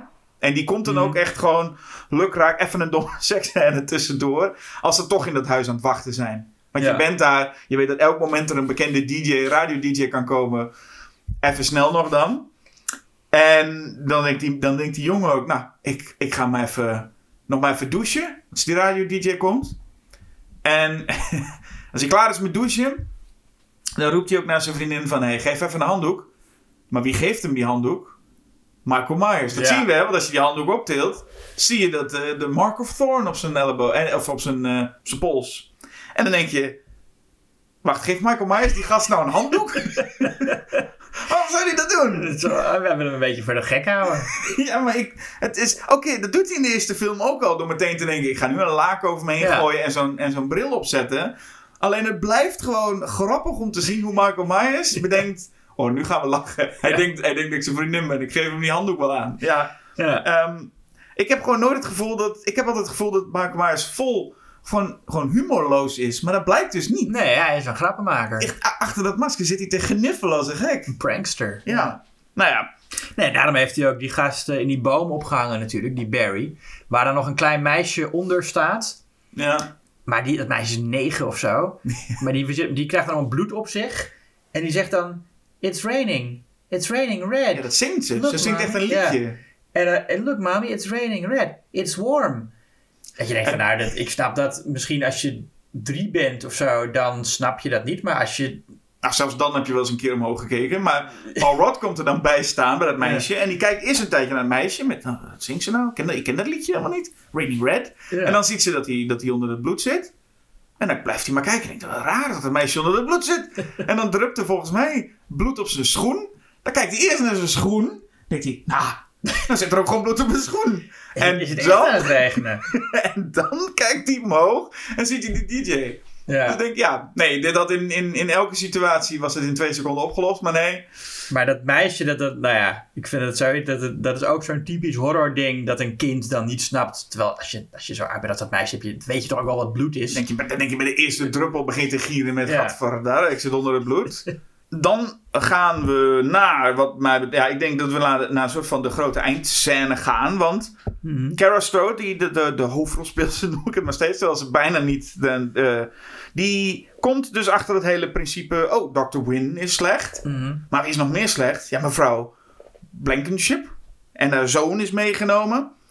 En dan ziet ze ook, dat vind, blijf ik leuk vinden. Ik had het ook in Hereditary. Ik, ik blijf het grappig vinden als mensen uit paniek meteen uit het raam springen. Ja. Gewoon door het raam heen. Gewoon, je ziet het even niet meer zitten. Je denkt, verrek, ik kan niet links ik kan niet rechts op. En dan gewoon vol ervoor gaan. Ja. Dat zie je ook. Ze springt echt vol het raam, eh, eh, door het raam. En zij moet dan... eh, zij moet dan met Paul Rudd en ja, Dr. Loomis, maar die komt dan iets later, gaan ze naar Smith Grove. En de eind, op zich leuk, een eindscène in Smith Grove. Voelt wel mooi en passend. Ja. Het is echt een horror, typisch horror einde gewoon. Ze zijn op de vlucht van Michael Myers, moeten hem af en toe eh, in elkaar slaan. Ja. Dat is het eigenlijk. Het is, eh, het is hetzelfde als Halloween 5. Maar dan is in plaats van Donald Pleasance, die echt met zo'n balk op hem loopt, staat, eh, zit eh, Paul Rudd gaat helemaal los. Ja, er zitten nog wat andere secteleden achter ze aan ook. Ja, klopt. En al die secteleden worden, er is een soort operatie. En die secteleden worden ineens afgeslacht Mhm. door Michael Myers. En het grappige is, daarin ook in de bioscoopversie zien we dus de, de grote schurk Dr. Win, zien we dan ook nooit meer. Gewoon, Nee. ineens is hij weg. En Ja. dat was het. Ja. Is gewoon een personage kan ineens poef verdwijnen. Terwijl je verwacht dat dat nog. Nou, dat heeft in de Producer's Cut dus ook een, een echt een einde. Maar hier was het een beetje een probleem. Oh, we, moeten, we gaan opnieuw een einde schieten. Stick, Dr. Loomis eh, en Donald Pleasance is overleden. Wat moeten we nu? En je ziet dan nu een soort van. Waar ze mee gekomen zijn. Een soort einde wat, wat, wat aan elkaar geplakt is met. eh, een gevecht tussen, tussen Kara, Paul Rudd en, en, en, en Michael Myers. En helemaal aan het einde, als ze dat gevecht hebben gehad, zegt Dr. Loomis: Nou, gaan jullie maar weg. Ik, ik, ik moet nog Ja. even binnen wat doen. Maar dan zegt zij ook, are you sure you don't want to come with us? En dan is het alsof zij dan, ik weet niet, een, een, een nieuw leven gaan beginnen of zo. Die indruk heeft het een beetje van, wij gaan hier weg. Paul Rudd en Karen, we kennen elkaar net een dag. eh, ik, Paul Rudd, ik heb jou heel vaak begluurd, maar nu hebben we elkaar net een dag gezien. Nou, we zijn die Michael Myers eh, verslagen. Nou gaan we gewoon eh, ergens samenwonen Oh, ergens met, je, met, met je zoon. Leuk een bed and breakfast beginnen ergens, Ja. inderdaad. Nee, maar dat was toch leuk geweest? Een soort vervolg waarbij zij, Paul Rudd, die Kara, die elkaar helemaal niet kennen, een baby en Dr. Loomis. En, en, en, en Karen's zoon natuurlijk ook nog. ja? Dat dat inderdaad een... eh, een, eh, Dat wordt- dat is een leuke sitcom, ja, precies. Dat geweest. Dat was leuk geweest. Maar nee, Dr. Loomis zegt: ik, ben, ik heb nog wat te doen hier. En dan, ja, horen we wat geschreeuw. We zien een masker liggen. Ja, we horen, we horen inderdaad eh, Donald Pleasence op de soundtrack een beetje... En dan staat er In En Memory of Donald wat. dat is ook wat. Er ligt een masker van Michael Myers met een, met een, met een injectiespuit. En dan, en dan zien we nog even een pompoen en dat, dat kaasje gaat uit. Ja. Ja, en toen blies het, eh, het, het verhaaltje uit. Maar het, het, is een, eh, het is inderdaad gewoon een rotzooi. Maar ik vind het vooral grappig. Dan heb je de hele tijd in zoveel bochten zitten wringen om, om een goed einde. Of, of om alles bij elkaar te knopen. En dan heb je hier nu, oh je hoofdrolspeler is dood. Moeten we een stuntman gebruiken? Moeten we iets doen? En dan is het gewoon, nee, film gewoon het masker. En dan doen we gewoon dat hij schreeuwt op de achtergrond. Ja. Dan weet het publiek genoeg. Toch? En je zit Ja. met een groot vraagteken. Zit je te, af te blijven van, wat, wat, wat gebeurt hier? Ja. Is dit je oplossing? Nou ja, eh, het, het einde van de producers cut is wat dat betreft wel wat, wat iets meer bijzonder zou ik zeggen. Is namelijk dat Dr. Win zegt tegen Donald Pleasance, die hem de hele tijd naar Smith Grove wilde halen. eh, zegt hij, ja, ik heb een taak voor je. Jij bent vanaf nu de Guardian. En dan krijgt Donald Pleasance die Mark of Thorn Ja. op, zijn, eh, op zijn pols. En daar begint eh, de Donald Pleasance dus heel hard om te schreeuwen. Ja. En ondertussen zien we dat Michael Myers gewoon eh, in, in een. In, volgens mij in, in de kleding van de Man in Black. eh, juist wegloopt. Ja. Dus nog steeds een volledig open einde. Maar het is meer een afsluiter van Donald Pleasant's rol dan inderdaad wat je zegt. Je hoort hem even. En dan is het Ja. in memory of Donald Pleasance. Ja, nou ja, het is wel, ja. Ik, ik heb dus eh, die producers cut ook eh, een keer gezien. Maar ik, ik, ik herinner me dat de, dat de bioscoopversie mij beter beviel. Hmm. Ik weet dat veel fans van de reeks de producers cut beter vinden, omdat die wat logischer is en misschien ook wat duisterder. En, eh, en, en qua muziek ook anders. Die gitaarsolos en zo is er allemaal niet in. Nee, en die hele die, die, die edit voor, om, het, om jongeren aan te trekken is ook allemaal dat- weg. Maar dat zijn, dat zijn eigenlijk de dingen die ik dan wel weer charmant gedateerd vind aan deze film. Ja, ik denk dat dat ook wel beter nu is. Aan, als je dan nu inderdaad de bioscoopversie ziet, is het een veel leukere film. Mhm. En ik denk inderdaad dat als je de producers cut kijkt, krijg je nog iets meer het gevoel, oké, ze proberen wel. En dat moet ik zeggen, heb ik bij Halloween 5 dus totaal niet. Daar heb ik niet het gevoel dat er mensen achter zitten die echt iets probeerden. Nee. Het was gewoon echt, eh, we gaan het nog een keertje doen. En deze film, of het nou lukt of niet, maar ze doen wel hun best, heb je het gevoel. Ja, dat is. Ja, maar goed, ik vind het bij heel veel slashers. Juist als, als, het, als het heel duidelijk gewoon een cynisch product is.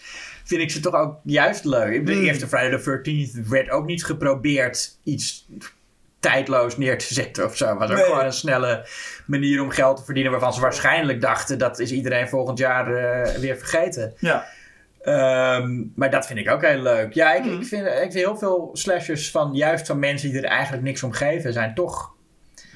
eh doorstaan de tand destijds toch beter, vind ik, dan dit soort mensen, eh, dingen van mensen die echt gepassioneerd zijn. Ja.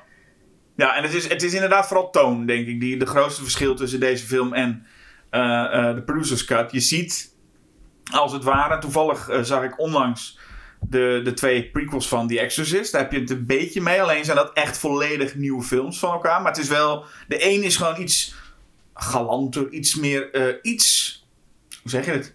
Kunstzinniger, hoor het maar even zo te zeggen. En daarvan Mhm. zegt een producent meteen: nee, nee, nee, nee, nee, dit is fout.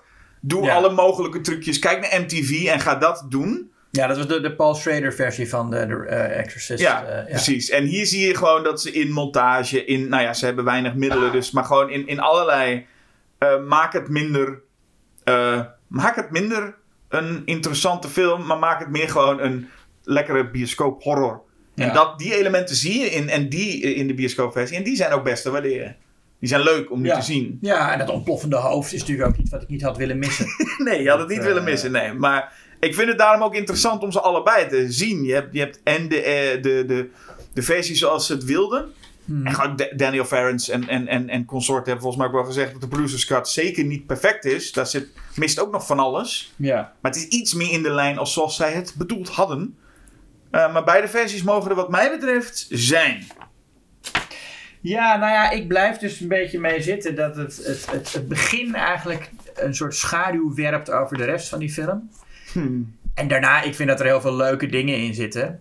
Onbedoeld grappige dingen vooral. Maar uiteindelijk, en hij is, ik moet zeggen ook wel, hij heeft wel echt een beetje die, die ouderwetse Halloween sfeer, die herfstsfeer.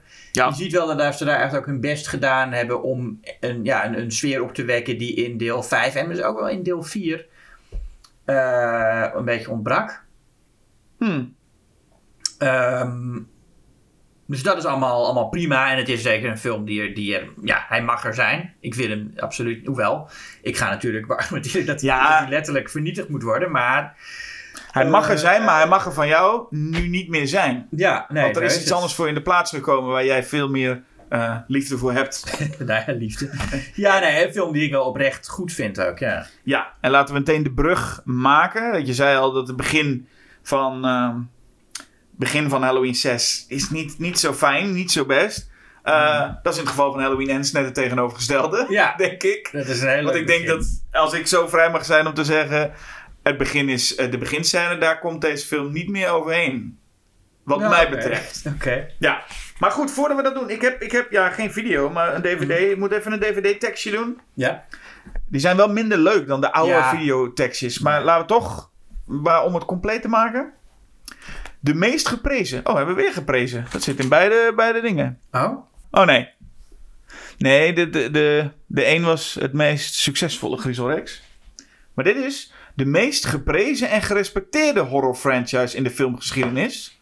Bereikt zijn epische, angstaanjagende conclusie. Aha. Als Laurie Strode het voor de laatste keer opneemt tegen de belichaming van het kwaad, Michael Myers. Ja. Michael is al vier jaar niet meer gezien na de gebeurtenissen in Halloween Kills. Laurie woont samen met haar kleindochter Allison en heeft ervoor gekozen om haar angst en woede los te laten en van het leven te genieten. Wanneer een jonge man verdacht wordt van moord op zijn oppaskind, heeft dat een kettingreactie van geweld en angst tot gevolg. Ja. Nou, Nou, daar is. dat is inderdaad wat er gebeurt, hè? Ja, dat is. En die. eh,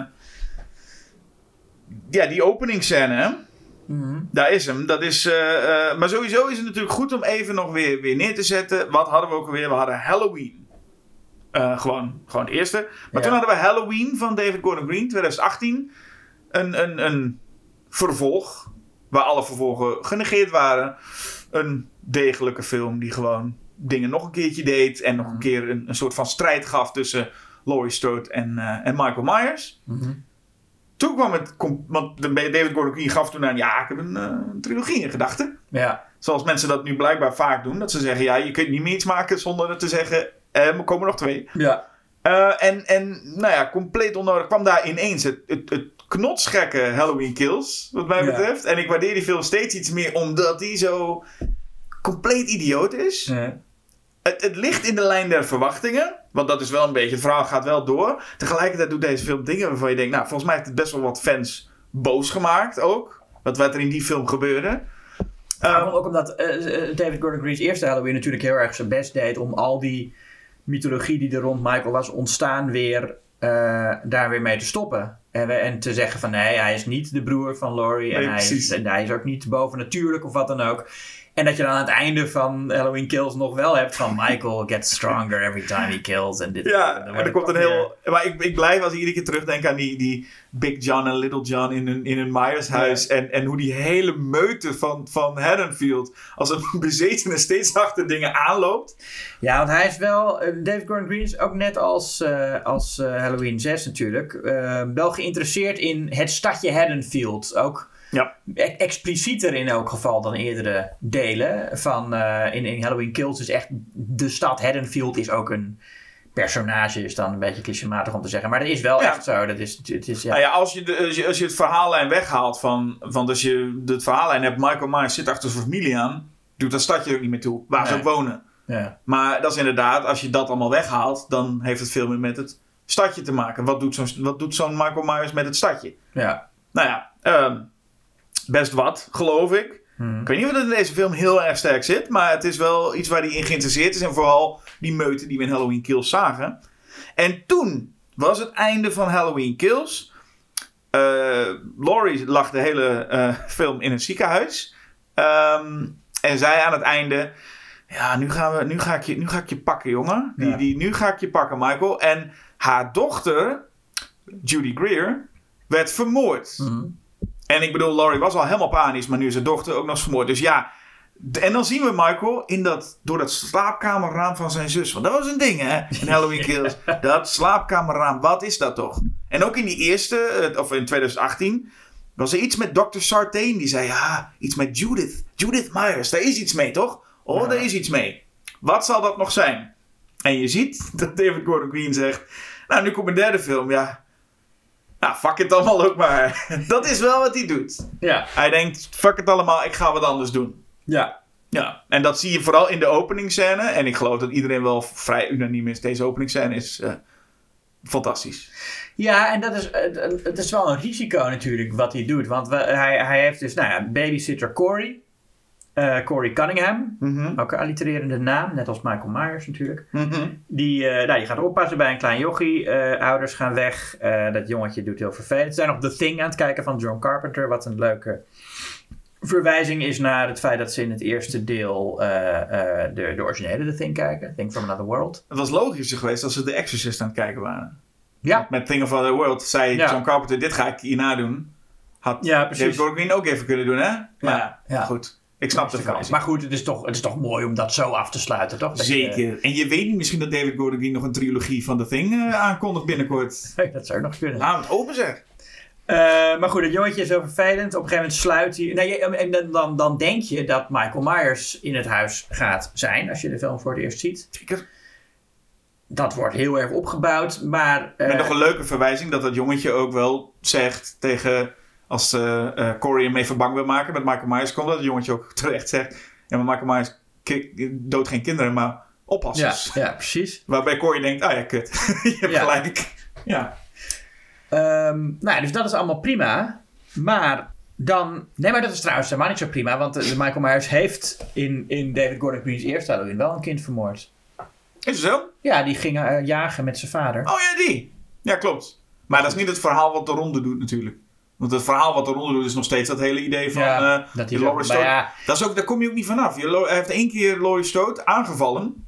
Is niet eens vermoord. Ja. Volgens mij was Laurie Strode toch de oppasser? Nee, eh, hoe heet ze? Moest ook oppassen. Annie. Eh, nee. PJ Souls, Linda, ja. Maar goed, Nou het is dus doordat die vermoord is... Heeft Michael nu echt gewoon de, de, de, het, het, het stigma van... jij bent een oppasmoordenaar. Terwijl hij in Halloween Kills zowat het halve stadje... Ja, maar zo zie je. Je eerste, je eerste blijft toch aan je kleven. Ja. Dat, eh, wat je gedaan hebt. Ja. Ja.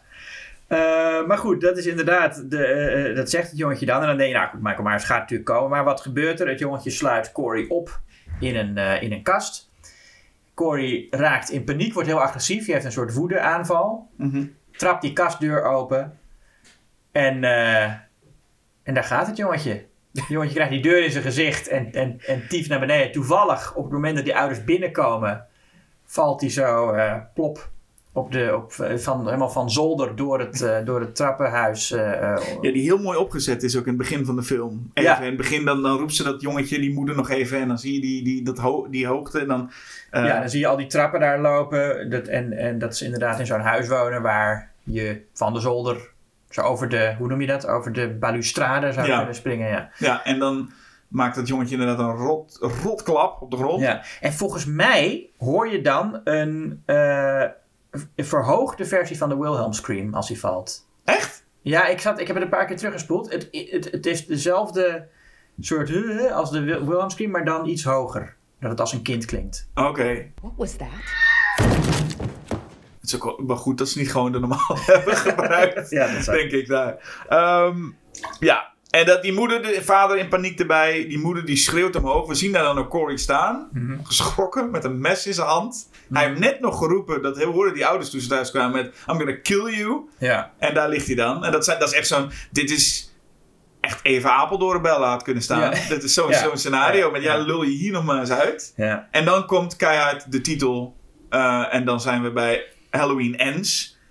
En ik denk inderdaad, iedereen zit in de bioscoop met... Wat? Wat, hè? Ja. Wat gaan we nu Wat dan gaat er krijgen? nu gebeuren? Ja, dat is heel leuk. En zeker als je op dat moment dat je dan eh, de titel... En de titel, eh, eh, de credits font is ook die van Halloween 3. Ja. Dus zo zie je ook dat David Gordon Green hiermee ook een beetje voelt... Ah, ik, ik- dit is mijn eigen trilogie. En nou ja, klopt. De eerste film was de eerste film. Daarna kreeg je een film met Laurie vooral in het ziekenhuis. En die had ook volgens mij de font van deel 2.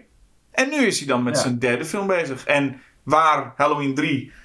En ik hoop, ik denk ergens ook dat David Gordon dacht... ik ga een Halloween 3'tje maken. Weet je, zo'n film die nu dan Ja, ja. gehaat wordt... maar die, waarvan mensen later dan gaan zeggen... ja, misschien is het toch wel een van de betere. Nou ja, het is wel een film die... Ja, hij, hij weet natuurlijk wel wat hij doet door ehm, Michael Myers. Pas na 40 minuten komt voor het eerst Michael in beeld. Ja. En het is echt een uur voordat de film überhaupt een slasher wordt. Zou Ja. ik zeggen. Er wordt wel iemand, wordt een dakloze man neergestoken even. Maar het wordt pas echt een slasher na een uur. En dat is al een van de dingen die je meteen merkt. Hij wil iets anders gaan doen. Nou, die openingsscène, oké. Maar dan komen we bij Jamie Lee Curtis. En dan merk je ook dat David Gordon Green ook af wil stappen van wat hij allemaal opgezet heeft. Want laten we even de vergelijking maken. 40 jaar lang, toen Michael Myers opgesloten zat, zei Jamie Lee Curtis in paniek: "Ah, Hij gaat ons pakken. Hij heeft, hij- ze heeft haar kinderen getraind dat ze klaar waren voor als hij vrijkwam. Ze was, iedereen verklaarde er voor gek. Ja. Vervolgens is, is, is Michael Myers ook echt ontsnapt. Nou, zij dus helemaal, helemaal in paniek. In het ziekenhuis ook nog. Oh, hij gaat ons allemaal vermoorden. Ik moet daarbij zijn. Vervolgens is haar dochter vermoord. En de rest van het stadje zo ongeveer. ja. En Laurie besluit om een huisje te kopen in Haddonfield. En gaat lekker na een paar jaar met haar kleindochter Halloween vieren. Niks aan het handje. Dat je Ja. denkt, hier is, hier, is, hier is niks meer over. Dit is, dit is totaal onlogisch beredeneerd Nou. met wat er over is van dat personage. Nee, maar dat vind ik helemaal niet onlogisch. Zij heeft dat heel lang zo gedaan. En, en, het heeft, en het resultaat daarvan is geweest dat Michael toch is vrijgekomen en allemaal mensen heeft vermoord, inclusief haar dochter. Mhm. En dat is juist waarom ze daarvan af is gekomen. Zij is eigenlijk genezen. Zoals je ook mensen hebben die hebben dan een dwangstoornis. Die denken dan, ik moet bepaalde rituelen doen, anders gaat het allemaal mis. Ja. Vaak is het zo dat als er dan een keer echt iets misgaat, Mhm. dan zegt ze, ja, maar ik heb al die rituelen gedaan. En, en blijkbaar gaat het toch mis. En dan zijn ze in één keer genezen van die dwang. Ja. Dat is wat het hier is. Zij heeft ontdekt van, oké, ik heb alles gedaan en er is nu zoiets heftigs gebeurd. Dan moet je dan De- pikken dat ze van die dwang af is. Dus dat ze niet meer zo eh, als een, een Sarah Connor opgesloten zit in een huis en de hele dag eh, paspoppen omver schiet. Ja. Kan me nog iets bij voorstellen. Maar het feit dat ze nu niet in een soort angst leeft. Dat haar kleindochter er nu ook aan gaat. Want de moordenaar, die voorheen achter slot en grendel zat, is nu gewoon vrij. Ja. Het laatste wat hij gedaan heeft, is de, het hele dorp, inclusief haar dochter, Ja. afmaken. Dus ik, ik vind het prima dat ze nu niet meer Sarah Connor is. En dat ze nu denkt, ik moet iets anders. Maar het feit dat ze nu zo... Dat is een, dit, is een, dit is een 180 graden draai. Dat is Ja, maar niet- dat is juist wat er dan gebeurt. Nee, maar niet met alles. Alles. Ja, ja, alles maar, is... Er is, er ja, wat- niks wat- meer wat- in haar. Wat ook nog maar enigszins denkt, oké, het is... eh, en oké, Nee, maar waarom zou je dat... Kijk, het, het is best wel heftig als je kind vermoord wordt. Dat eh, leidt tot een verandering van je persoonlijkheid. En wa- waarom... wa- ik bedoel, wat zou ze nu nog kunnen doen om, om zich te beschermen tegen Michael? Hij is er toch niet meer. Ja, het heeft niet zoveel zin om je daar elke dag zorgen over te maken. maar daar had het daarvoor Zij ook weet niet. ook van, ik kan mijn kleindochter... Ik heb mijn dochter eigenlijk mishandeld in haar jeugd, eigenlijk. Ja. Eh, ik ga dat mijn kleindochter niet aandoen. Ik ga haar gewoon die vrijheid geven om te doen wat ze wil. Oké. Eh, laat ik, vind dan- het, ik vind dat, kijk, het- je kunt zeggen dat het niet overtuigd is, maar het is, wel, het is natuurlijk wel bewust. Het is geen fout van de film. Weet je wat? Ik, dat- ik dat zou niet dat het een fout van de film dat is. Maar het is, een, het is een wending dat als dit zou kloppen wat jij nu zegt, dat het Mm. echt deel is van haar, eh, van haar personage, dan had ik dat wel iets van willen zien. En wat we nu zien is dat we Laurie Strode ontmoeten. Hmm. Die, zit, die, zit, die zit met een verschrikkelijke voice-over. Zit ze de hele tijd de boel aan elkaar te praten. Die memoirs. Als er één boek is dat ik in mijn leven nooit wil lezen, is het die fucking memoirs die Laurie Strode aan het schrijven is. Als je die teksten hoort, die ze eruit eh, gooit. Ja. En sorry, maar dan, dan, dan zou je iets willen zien van wat er is gebeurd. Maar ze zegt, ah, ben gewoon mijn huisje gaan kopen. Ik bedoel, dat is het hele ding. Hoe, hoe is ze van 40, 50 jaar lang zo zijn, nu... Ah, weet je, ik vind Halloween eigenlijk wel een leuk feestje. Zal ik pompoentaart maken? Ja, ze wil, nu wil ze echt Halloween-tradities doen. Ja. Ja. Nee, Nee, niet, om- hebben we niet gezien. Nee, Nee, maar- Gordon Green kiest nee, ervoor om, om dat dat, over zo. te slaan. Nou en te ja, zeggen, dat- hier komt het nieuwe verhaal. Ja, en het idee is dan dat je als kijker jezelf afvraagt van... Goh, waarom is dat nu zo? En dat je dan tot een bepaalde conclusie komt. Het is niet, eh, het is niet dat hij dat vergeten is uit te leggen, denk ik. Want ik vind het juist wel fijn dat hij eh, dat niet heel eh, expliciet maakt... in een film die best wel veel psychologische dingen wel te expliciet maakt... en te veel uitlegt. Maar hij hoeft het ook niet per se te expliciet te maken. Hij kon het ook gewoon op een goede manier. Op een beetje op een goede manier aan elkaar knopen. Laat ik het zo zeggen. Als je Halloween en zo'n leuke film vindt, wat best kan. Kijk, Halloween 3 is ook een hele leuke film. Ja. Maar het is een verschrikkelijk slecht vervolg op deel 2. Mocht Ja. je dat willen. Nu is deel 2 ook lekker. eh, was een finale. Ja. Dat was een einde. Dat was helemaal klaar. ja. Deel ehm, Halloween Kills was, stond helemaal open voor dit is. Hè, hier, nu gaan we nog verder. To be continued. Kon er aan het einde staan. En als vervolg op Halloween Kills is het een vrij beroerde. Nee, ik vind, ik vind die ontwikkeling eh, eh, juist heel goed. Juist ook dat het niet uitgelegd wordt waarom dat is. Dat je dat zelf mag invullen.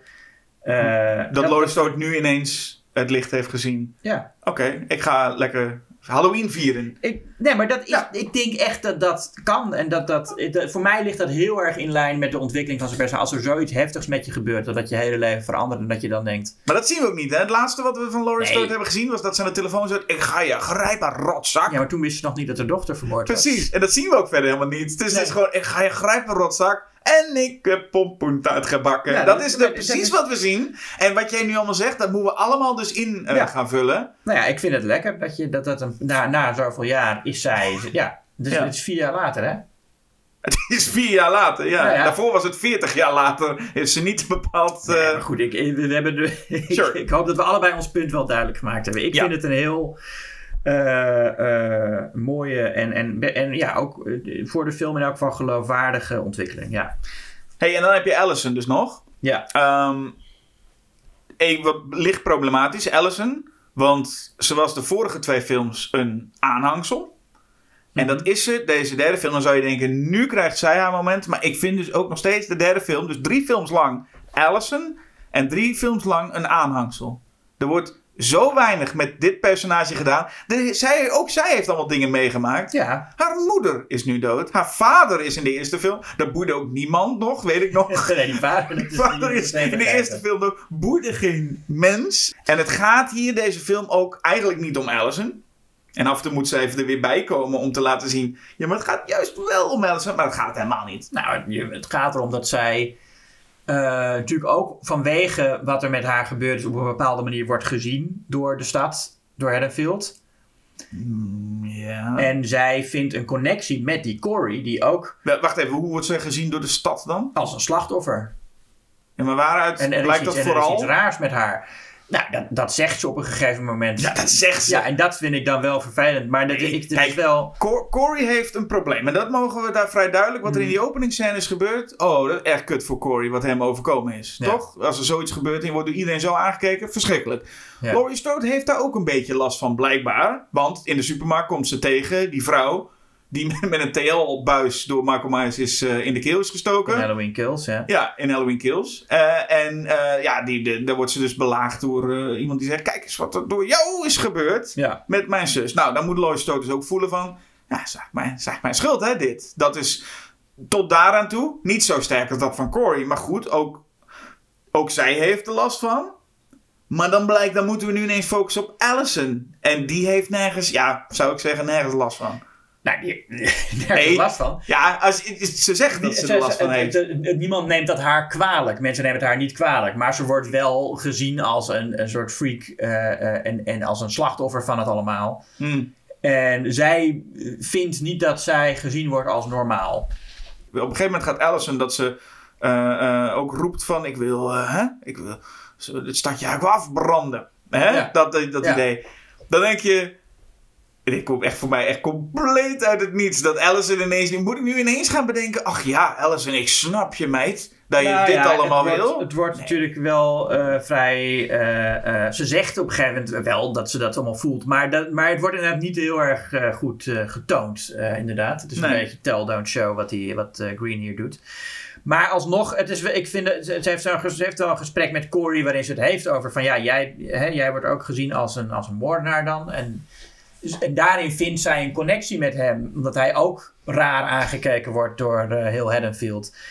Ehm, en dat, het, leuke aan, het leuke aan Halloween vind ik, aan Halloween Ends, dat het niet helemaal geslaagd, maar wel in elk geval, ik vind redelijk geslaagd, een poging doet om gewoon een, een soort middelbrow drama te zijn. Kijk, het eerste uur zit je te kijken naar hoe mensen omgaan met een trauma. Mhm. Ehm, het lijkt wat dat betreft ook erg op Rob Zombie's Halloween 2. Het beste vervolg eh, volgens jou. eh, Absoluut. Eh, zelfs de scène waarin Allison gaat dansen doet heel erg denken aan de scènes waarin Laurie Strode in Rob Zombie's versie uit het dak gaat. ja. Ehm, misschien ook wel bewust trouwens. Nou ja, maar, nee, maar de, de- het eerste uur is ongeveer is een soort, ja, een, echt een, een, een drama over mensen die getraumatiseerd zijn en hoe ze met elkaar connecties vinden en weer juist weer breken. Mhm. Dat die vermomd heeft als een eh, genrefilm. Wat dat betreft deed het mij ook denken, heb ik volgens mij ook wel eens eerder gezegd in deze podcast, aan, aan, aan Joker van eh, Todd Phillips. Eh, die dat ook eh, probeert, ja, die, of, die, die een, een serieus drama wil zijn in, een, in, het, in, het, in het jasje van een superheldenfilm. Mhm. Ehm, maar wat het leuke is aan Halloween is dat het eerst een serieus drama is, maar dan ook nog echt een leuke slasher wordt. En in mijn mening ook de beste slasher in David Gordon Green's trilogie. Ik vind dat uiteindelijk, als, als het een slasher wordt, eh, dan doet hij dat goed. Hmm. Ja, oké. Ehm, ik, ik zou in ieder geval al willen zeggen dat er een, een probleem voor mij zit in dat veel van de film rust op de liefde tussen Allison en Corey. Daar zit wat mij betreft al een probleem. Die voel ik voor geen meter. Die wordt er namelijk ook echt, echt met de, even met snel met de haren bijgesleept. Wat gebeurt er toch? Eh, Corey ontmoet eventjes Laurie Strode en die hebben een connectie, toch? Ja. Ze zijn beide de freak. Ja. Om het maar zo te zeggen. Dit, dit- dat snapte ik nog. Nee, Corey wordt ook wordt, wordt gepest door een, een stel Ja. pestkoppen. En in principe dat Corey gepest wordt, ik snap het. Ik, ik, Ja. sterker En jij nog, zou het ook doen. Ik zou het ook doen. ik was de eerste. Nee, ehm, ik, ik, ik begrijp dat. Ik, ik begrijp volledig wat daar gebeurt. En bij, met Jamie Lee Curtis vind ik het lastig. Want ik blijf toch nog steeds zeggen: ja, ze kunnen allemaal wel tegen haar zeggen: ja, je bent een freak. Maar ja, daar zit je dan met je memoirs te schrijven. En je hebt het toch allemaal wel gezellig. En ineens af en toe, en af en toe voelt ze ineens de pijn, toch? Dat is, dat Ja. is bij haar een kwestie van soms komt het en soms is het weg. Oké. Maar dan weet ze haar kleindochter dus, soort van, in, in, soort van werkt ze Corey een beetje in de schoot van haar kleindochter. Zo van, kijk eens, deze Ja. jongen. Hier, leuk. En dan behandelt eh eh, Allison de hand van Corey. Ah, volgens mij zegt ze vrij snel daarna, oh ja, oh ja, ik heb een motor. Oh ja, weer mij Ja, nee, want zij, rijden. het is inderdaad, dus bij, bij, bij dat eh, gedoe met die pestkoppen is, is zijn hand gewond geraakt, omdat hij zelf een flesje heeft kapot geknepen. kapot geknepen Ja. uit woede. Hij heeft, echt, hij heeft last van woedeaanvallen. dat zie je heel is, duidelijk. eh, ja. eh, dan ook weer bevestigd. En zij werkt in een ziekenhuis. En zij werkt in een ziekenhuis, dus daarom verpleegt zijn hand. En dan, maar het is natuurlijk niet echt. Kijk, zij zijn allebei tieners. Eh, dat is natuurlijk niet echt liefde. Nee, maar dat is gewoon. dat- Zo, zo doen tieners dat. Die, Ja, nee, maar ja, dat... Tieners die gaan, die gaan. Dat is toch nooit echte liefde met tieners. Dat is Snap ik, gewoon maar- van. maar- maar- deze is er. En, en ze hebben een connectie. eh, en dat is waar zij op valt. Ze valt niet per se op hem, maar Ja, ze vindt hem gewoon bijzonder. Omdat hij dat meegemaakt heeft. En zij heeft ook zoiets meegemaakt. Zelfs dat wordt niet eens duidelijk. Het wordt niet eens 100%... Dat, dat zegt ze letterlijk min of meer. Wat? Dat dat hun connectie is. Dat ze Ja, maar- allebei. Dat ze die voorgeschiedenis van hem helemaal niet goed kent. Of überhaupt vraag af of ze... Kent ze die dan? Weet ze meteen, dit is. Corey, diegene wa- waar al die verhalen van rondgaan. Ik En weet niet of ze dat meteen weet, maar dat weet ze wel als ze met hem gaat. Ja, als ze met hem gaat. Maar er is iets in het begin waarvan hij, zij denkt... Jij, jij. Eh, oh, wil je me leren motorrijden? Wil je me, wil je me leren motor... Weet je, en dan, volgens mij is het, is het vrij... Wil je me een keer leren rood? We moeten samen eens wat gaan doen. Dat is wat het, hoe, Nou ja, hoe het zij- wordt neergezet. Ja, nee, maar zij wil iemand die haar niet ziet als eh, het, het slachtoffer. Ja. En eh, om, omdat hij dat ook meegemaakt heeft, ziet hij haar niet zo. Dat is denk ik wat. En dat kun, je, dat, is, dat kun je er allemaal achter zoeken. Maar wat je vooral gewoon ziet, is twee mensen. En dit is in een, in een andere film, zou je, dat, zou je dat vrij snel wel zo omschrijven. Als je gooit twee mensen, twee jonge mensen, jongen en een meisje. Gooi je in Ja. één ruimte. Het is een film, dus ze worden verliefd. Pam, dat moet. En dat gebeurt hier ook. En natuurlijk kun je achteraf zeggen: ja, maar er was wel van alles. Maar nee, het is nog steeds Nou, jongen, meisje, verliefd worden nu. En dat doen ze netjes volgens die regels. Wij worden echt verliefd. worden. Da- Daar, daar, daar, daar rust de hele film op. En dan kun je zeggen: Ja, ja, ze vinden elkaar heel leuk en zij neemt het voor hem op. Oh ja, nee, precies. Dus een tekst als, als, als ik niet Allison kan krijgen, kan niemand Ja, Allison oh nee, maar krijgen. hij, hij wel op haar. Dat, nee, maar goed, hij, dat, is ook, dat is meer een obsessie dan verliefdheid. Ja, maar hij, ook eh, dat, hij waar, dat, zeg maar, nee, en zij dan? Hoe, zij, zij heeft er een, een ruzie met haar oma voor over, wat, wat betreft die, die, wat Ja. wij hebben samen. Hè, Ja, wat maar goed, dat is, dat is gewoon tienergedrag. dat is, dat is niet, tienergedrag. dat nee, is dat, is, dat zijn twee personages die totaal geen chemie... Hoe moeilijk was het om één scène extra te hebben... Hmm. waarbij er in ieder geval op zijn minst één extra vleugje was met... Oh, ik snap dat- nu. Ik snap het nu. Nee, maar dat hoeft helemaal niet, want je, het- je hoeft het niet te snappen. Want, nee, maar ik snap het wel. Het is wat ik net allemaal zeg. Het is gewoon dat zij die connectie hebben. En dat, de rest maakt helemaal niet uit. Nou ja, goed, dan moet je En- die connectie zij natuurlijk eerst hem- voelen. Ja, nou ja, maar goed, ik, ik voel dat wel. En zij wil hem tegen iedereen verdedigen. En dat is niet, niet eens zozeer omdat ze van hem zo houdt, maar omdat ze ook eh, zo blijft dat ze eindelijk iemand heeft gevonden die met wie ze die connectie heeft, dat ze dat ook niet kwijt wil. Maar dat is ook bijzonder, want je inderdaad, je, maar dat zei je net al, dat, je, dat, dat dat niet goed is. Het feit dat zij inderdaad zegt, oh, eindelijk iemand die mij anders behandelt. Als we dat nog gezien hadden, dat, dat Hmm. ze anders behandeld werd, dan kon je die, die, die connectie nog wel maken. Maar waar moet ik dat uit opmaken? Nou ik ja. zie gewoon Allison. En Allison is gewoon aan het werk. En Allison is gewoon thuis. En zo nog gewoon ja. prima. En ineens moet ik zeggen ze, oh, eindelijk iemand die me anders ziet. Denk je, anders dan wat? Anders dan wie? Kom je erbij? Nou ja, ze, ze- dat zegt ze inderdaad. Nee, dat vind ik met, met, met je eens. Dat het jammer is dat dat niet eh, genoeg getoond wordt, maar wel verteld. Dus de enige bij wie ik echt ben in deze film Mhm. is bij Corey. Ik vind het verhaal van Corey machtig interessant. Ja, En ik zou zeggen, wat een goede film over Corey. ja nou. En daar ben ik het 100% mee eens. Wat ik ook merk, en dat wordt ook vaker eigenlijk gezegd. David Gordon Green heeft hier een, een andere film van John Carpenter geremaked. Namelijk Christine. Mhm. Ook met eh, Arnie Cunningham. Dus de, de naam is zelfs hetzelfde. Maar het is een, een, een verfilming van Christine, alleen dan zonder de auto. eh, waarbij je eigenlijk met hem meegaat. En ik vind dat wat hij daaraan doen is heel leuk.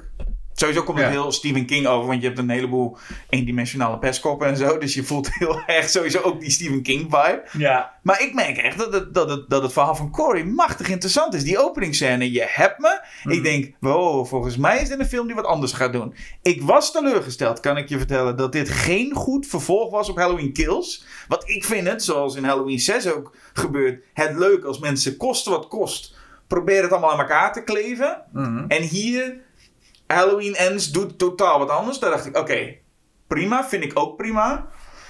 Maar dat verhaal van Corey is tot daaraan toe. Ik vind dat van Allison, dat, dat boeit me helemaal niks. Dus dan moet je je voorstellen. Je hebt Allison, heb ik twee films lang mee gezien.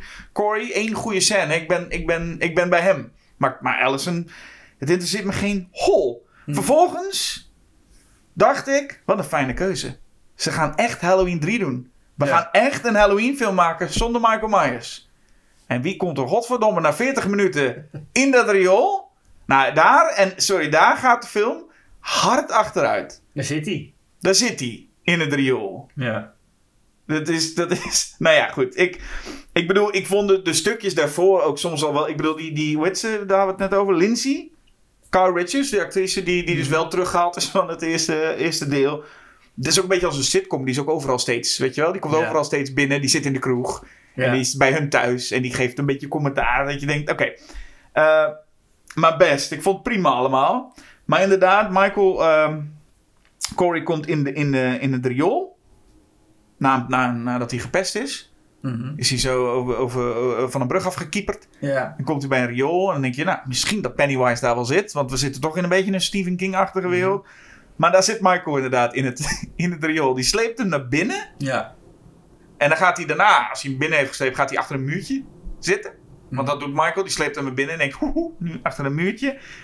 Corey die, die, die, die loopt richting Michael, of in ieder geval denkt, en dan, dan ziet Michael iets Ja. in Corey. In zijn ogen. In zijn ogen. Ziet hij zichzelf. Nou, nee, hij ziet, niet, hij ziet het leven van Corey. Ja. En, ik, en Corey komt dan weer naar buiten. Nee, maar hij heeft ook zichzelf weer spiegeld gezien, toch? Hij ziet een spiegelbeeld van eh, zichzelf in de ogen van Corey. Mm, ja.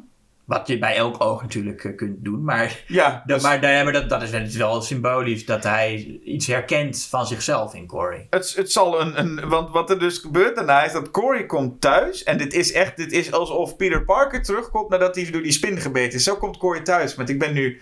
Ik ben gebeten door Michael Myers. Ik word Ja. nu Michael Myers. Dan ga je dit doen? Want echt meteen de volgende scène is ook dat Jamie Lee Curtis uit het raam kijkt. En dan staat ineens Corey daar bij die bosjes Ja. stil. Dan is het ineens. Ben jij nu Michael Myers geworden? Heeft My- er is in ieder geval iets daar gebeurd. Waarvan ik denk: oké, wat gaan we in vredesnaam nu doen? En ik, ik, ik, het beviel mij niet wat hier nu gaat gebeuren. Nou, ik, moet, ik vind die hele suggestie dat het inderdaad iets bovennatuurlijks is. Wat wel echt gesuggereerd wordt doordat inderdaad je al die flashbacks uit van Corey ziet. Hoe met die Michael aankijkt en zo. Dat, daar ben ik niet heel blij mee. Ik denk dat dat ook op een, eh, op een, op een, op een naturalistischer manier, eh geloofwaardige manier gedaan had kunnen worden.